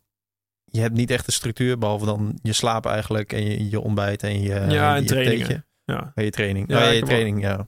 Enigszins structuur en training heb ik wel. ja. Je hebt wel... ehm, je hebt ook niet echt daardoor een soort van planning. Ik bedoel, natuurlijk heb je afspraken en doe je dingen. Ja. Je hebt... Heb je dan wel een doel? Heb je een concreet doel? Of heb je meer een richting of zo? Ja, Hoe ik, werkt zoiets? Ja, nou, ik, ja, ik ik- vind doelen namelijk... Dat is een van, van mijn soort van Mhm. black boxes in het leven. Mhm. Ik denk wel dat ik doelen heb. Ik kan ze eigenlijk nooit concreet maken. Ja. Ik weet niet zo goed hoe... Ik, ik ben wel vaak in beweging. Ik maak dingen. Ja. Ik onderzoek dingen. Ik heb het idee dat ik een leuk leven heb. Ja. Nee, Nee, vast met doelen te maken, maar ik... Ja, nou, dat, ik heb hetzelfde wel hoor. Ik heb, kijk, als atleet is het heel makkelijk. Dan heb je een heel concreet doel. Dan kun je, met een planning. met een planning. Je hebt een hele strakke planning en een heel concreet eindpunt. En Ja. maar het enige probleem is dat dat doel is een 1 of een 0, zeg maar. Ja. Er zit niks tussenin. Het is alles of niks. Als het lukt, fantastisch, heb je gewonnen. Als het niet lukt, jammer. Mhm. Eh, en dat is heel heftig, maar ook heel helder. Dus eh, de teleurstelling als het niet lukt is heftig, maar als het lukt, nou, heel helder, volgende doel. En dat heb ik eh, als ondernemer heb je dat veel minder. En in het leven in, in zijn geheel heb je dat veel minder. En daar geloof ik ook wel minder in, in concrete doelen. Ik geloof wel in concrete zakelijke doelen. Hm. Als we van First een succes willen maken, dan moet het financieel kloppen, dan moeten alle dingen kloppen. Dus ik weet hoeveel ik daarvoor moet verkopen. Ik weet hoeveel eh, een klant mag opleveren, kosten, eh, doelen die we moeten halen en metrics. Dat, dat is gewoon dat zakelijk dashboard wat je moet hebben, denk ik. Anders, anders, anders doe je maar wat. Dan heb je geen plan en idee en richting. Ehm, eh, helemaal als je met andere mensen samenwerkt. Dus zakelijk heb ik het zeker, maar persoonlijk, maar ook met First een hoger doel. Dat heb ik wel, maar dat is, en dat is ook wel ik kan het wel voor me zien. Maar het is niet heel concreet. En, en persoonlijk al helemaal niet. Dit, dat, ik denk dat het ook niet echt kan. Als ik het heb over me persoonlijk, dan is ook wel een beetje stoïcijns filosofie. Het is echt een goed leven leiden. En daar alles uithalen. Eh, elke dag opstaan met wat je mooi vindt om te doen. En ook al vind je het niet mooi om te doen, daar wel vol op gaan en aandacht aan geven. En dat wil niet zeggen volgens een hele goede planning alles uit ieder minuutje persen. Helemaal niet. Volgens mij is het soms juist op een heel erg goed gevoel naar jezelf luisteren en denken, weet je, ik ga deze ochtend helemaal niet alle minuutje er ergens uitpersen. Mhm. Ik ga me eens even heel rustig aan doen en even goed over een paar dingen nadenken en uh, daar even de tijd voor nemen terwijl ik naar buiten sta. Dat kan ook heel nuttig en prachtig en mooi zijn. En als je zo iedere dag kan invullen, met genoeg tijd voor, voor hele goede vrienden, en dat zijn er maar een paar, denk ik, als ik naar mezelf kijk, um, uh, naar familie die, die je heel erg na aan het hart staat en mensen die uh, heel dichtbij je zijn. Als je daar, dat is een uitdaging voor mij, daar de tijd voor maakt, daarmee tijd doorbrengt, daarmee mooie dingen meemaakt in het leven. Uiteindelijk wel succes nastreeft op een bepaalde manier. Voor mij is dat dan ook zakelijk succes belangrijk. Um, nou, dan heb je een hele mooie mix om een heel leuk en fijn en gaaf en gedreven leven te leiden. En dat is voor mij veel meer een doel. Ja, precies. Dus dan is het, doel het leven zelf. Zeg maar, het doel is niet een, een, uh, een moment in de tijd waarop een soort van status is bereikt. Nee, nee, nee, nee. Oh, nee, dat Maar zeker niet. is- Status sowieso. Nee, maar ik niet. bedoel sta- status als in... Kijk, je hebt het net over succes. Ik bedoel, Ja. succes is net, net zo'n moeilijk concept. Succes Nee, betekent, betekent letterlijk dat iets voortduurt. Nee, succes is echt. Volgens mij hebben we er wel eens op Twitter over gediscussieerd. Volgens mij is, het, Oh, ja. is eh, succes eh, precies wat jij zelf definieert. Wat succes is. Ja. Dus wat is succes voor jou? Nou, voor mij zou succes wel zijn. ehm, hele toffe dingen doen met vrienden, familie. eh, maar ook zakelijk succes zou voor mij succes zijn. En dat is met First een wereldmerk maken. En wat het dan is, dat is deels als het een continu bedrijf is. Een heel gaaf merk is, wat wereldwijd uitgerold is. Waar de beste atleten, de beste wetenschappers eh, en mensen werken. En waar het heel inspirerend is om te zijn. Waar positieve energie uitkomt en uitstraalt. En waar, waar gewoon gezonde winst gegenereerd wordt. Dat, dat, dat lijkt mij een heel vet concept. Als je van niks begint met nul. En je kan uiteindelijk jezelf bedruipen, mensen onderhouden en iets achterlaten. ehm, wat je zelf hebt gebouwd, dat is wel, ja, dat vind ik heel ultiem. Dat bewonder ik ook echt aan grote ondernemers. Dat ze dat durven hebben, het lef hebben. En dat weten te creëren. Gewoon hoe moeilijk het is om van niks iets te maken, geld te verdienen, risico erin te lopen. En daar uiteindelijk iets van te maken, dat is, eh, ja, dat is, dat is gewoon heel moeilijk. dat is Ja. een hele moeilijke uitdaging. En als, het- als dat zou lukken, daar zou ik heel trots op zijn. Dat zou voor mij echt succes zijn. En of dat, dat is voor mij niet eh, miljoenen verdienen en eh, mooie auto's kunnen kopen en, ehm, en, eh, en mezelf daar zien staan van wauw, hé. Wat een Wat baas. ben ik goed, hé. Wat een baas. Wee. Nee, nee, en ik zou, ik zou liegen als ik zeg dat ik zou zeggen dat ik daar immuun voor ben. Eh, dat probeer ik mezelf wel aan te leren, maar niet, dat ben ik niet, denk ik. Dat ik daar ben ik zeker niet helemaal immuun voor. Maar, eh, en, en zeker als ik het geld zou hebben, dan zou ik ook echt een prachtig mooie auto kopen, denk ik. Maar dat is niet mijn drijfveer. Dat is niet waar ik gelukkig van ben. Zou je die nieuwe Tesla kopen? Hebben we die gezien? Ja, die eh, van, hè? Ja, ik vind die nieuwe Porsche ook wel vet trouwens. die, eh, die elektrische. Maar dat is niet... Dat, zo, zie- dat vind ik... Dus zo zie ik het ook weer eh, stoïcijns. Zeg maar, je moet ervan genieten als je het kan, als je het kan leiden en het, en het, het hindert je niet negatief. Hè? Mhm. Het heeft geen negatieve emotionele lading voor je. Prima, lekker van genieten. Alleen je moet je niet eraan hechten. Dus je moet er ook zonder kunnen. Eh, alleen zonder bezit kunnen, dat, dat kan. Eh, dat zou, als het moet, denk ik ook kunnen. Het zal zeker niet makkelijk zijn, maar dat moet je denk ik kunnen in je leven. Als je dat tegen jezelf kan zeggen, dan, dan, dan helpt het je een beter leven te leiden, denk ik. Maar Zonder bezit. ja, Ja. zonder bezit. Of ja, zo- zonder dat je vrij basic kan leveren. Dat je dat niet nodig hebt om, om echt super gelukkig te worden. Het helpt, hè. Het is handiger om rijk te zijn dan arm, begrijp me goed. Ehm, maar je moet je niet te veel aan het bezit, bezit proberen te hechten, denk ik. Je kan je wel aan mensen hechten. En daar kun je hele mooie dingen mee meemaken. Maar uiteindelijk ehm, worden we allemaal alleen geboren en gaan we alleen dood. En is dat iets waar je heel hè, met jezelf leven en daar tevreden mee zijn en daar alles uit willen halen en op je plek zijn en je kracht staan. Als je dat doet, dan komen er goede mensen ook om je heen en, en die blijven dan hopelijk bij je als je daar heel goed voor bent. Ehm, en, en dat is de echte waarde, denk ik, in het leven. Veel meer dan alle restverschijnselen daaromheen, die ook waarde hebben en ook belangrijk kunnen zijn, maar minder dan waar het echt om draait. Nice man. Mooie woorden. Nog even een klein, eh, klein eh, commercieel eh, blokje. Waar kunnen we first kopen? First is eh, alleen online verkrijgbaar nog. www.firstenergygum.com Dat is onze website. En ehm, je kan het ook een maandelijks abonnement bestellen. En eh, alleen bij Vondel Gym te verkrijgen. Tot nu toe. Ja, en vanaf... eh, Ja, ik heb er nog precies één. Kou, één kauwgompje. Nou, hier, jongen, heb je een voorraadje weer. eh daar kun je er tegenaan. Kun je Nice. het volhouden. Eh, Oké, thanks voor het gesprek. Ja, graag gedaan. Leuk. Eh, nice. Eh, mensen, als jullie eh, meer podcasts willen checken, kijk dan op ik weet het ook niet.nl. of check de Drive podcast. Of check de. Drive podcast natuurlijk. Ehm, ja, is ook een leuk podcast. Thanks. Dus eh, doe dat vooral. Eh, bedankt voor het luisteren. Eh Mark, bedankt voor je aanwezigheid. Graag gedaan. Bedankt voor het luisteren. Tot de volgende keer mensen. Doei.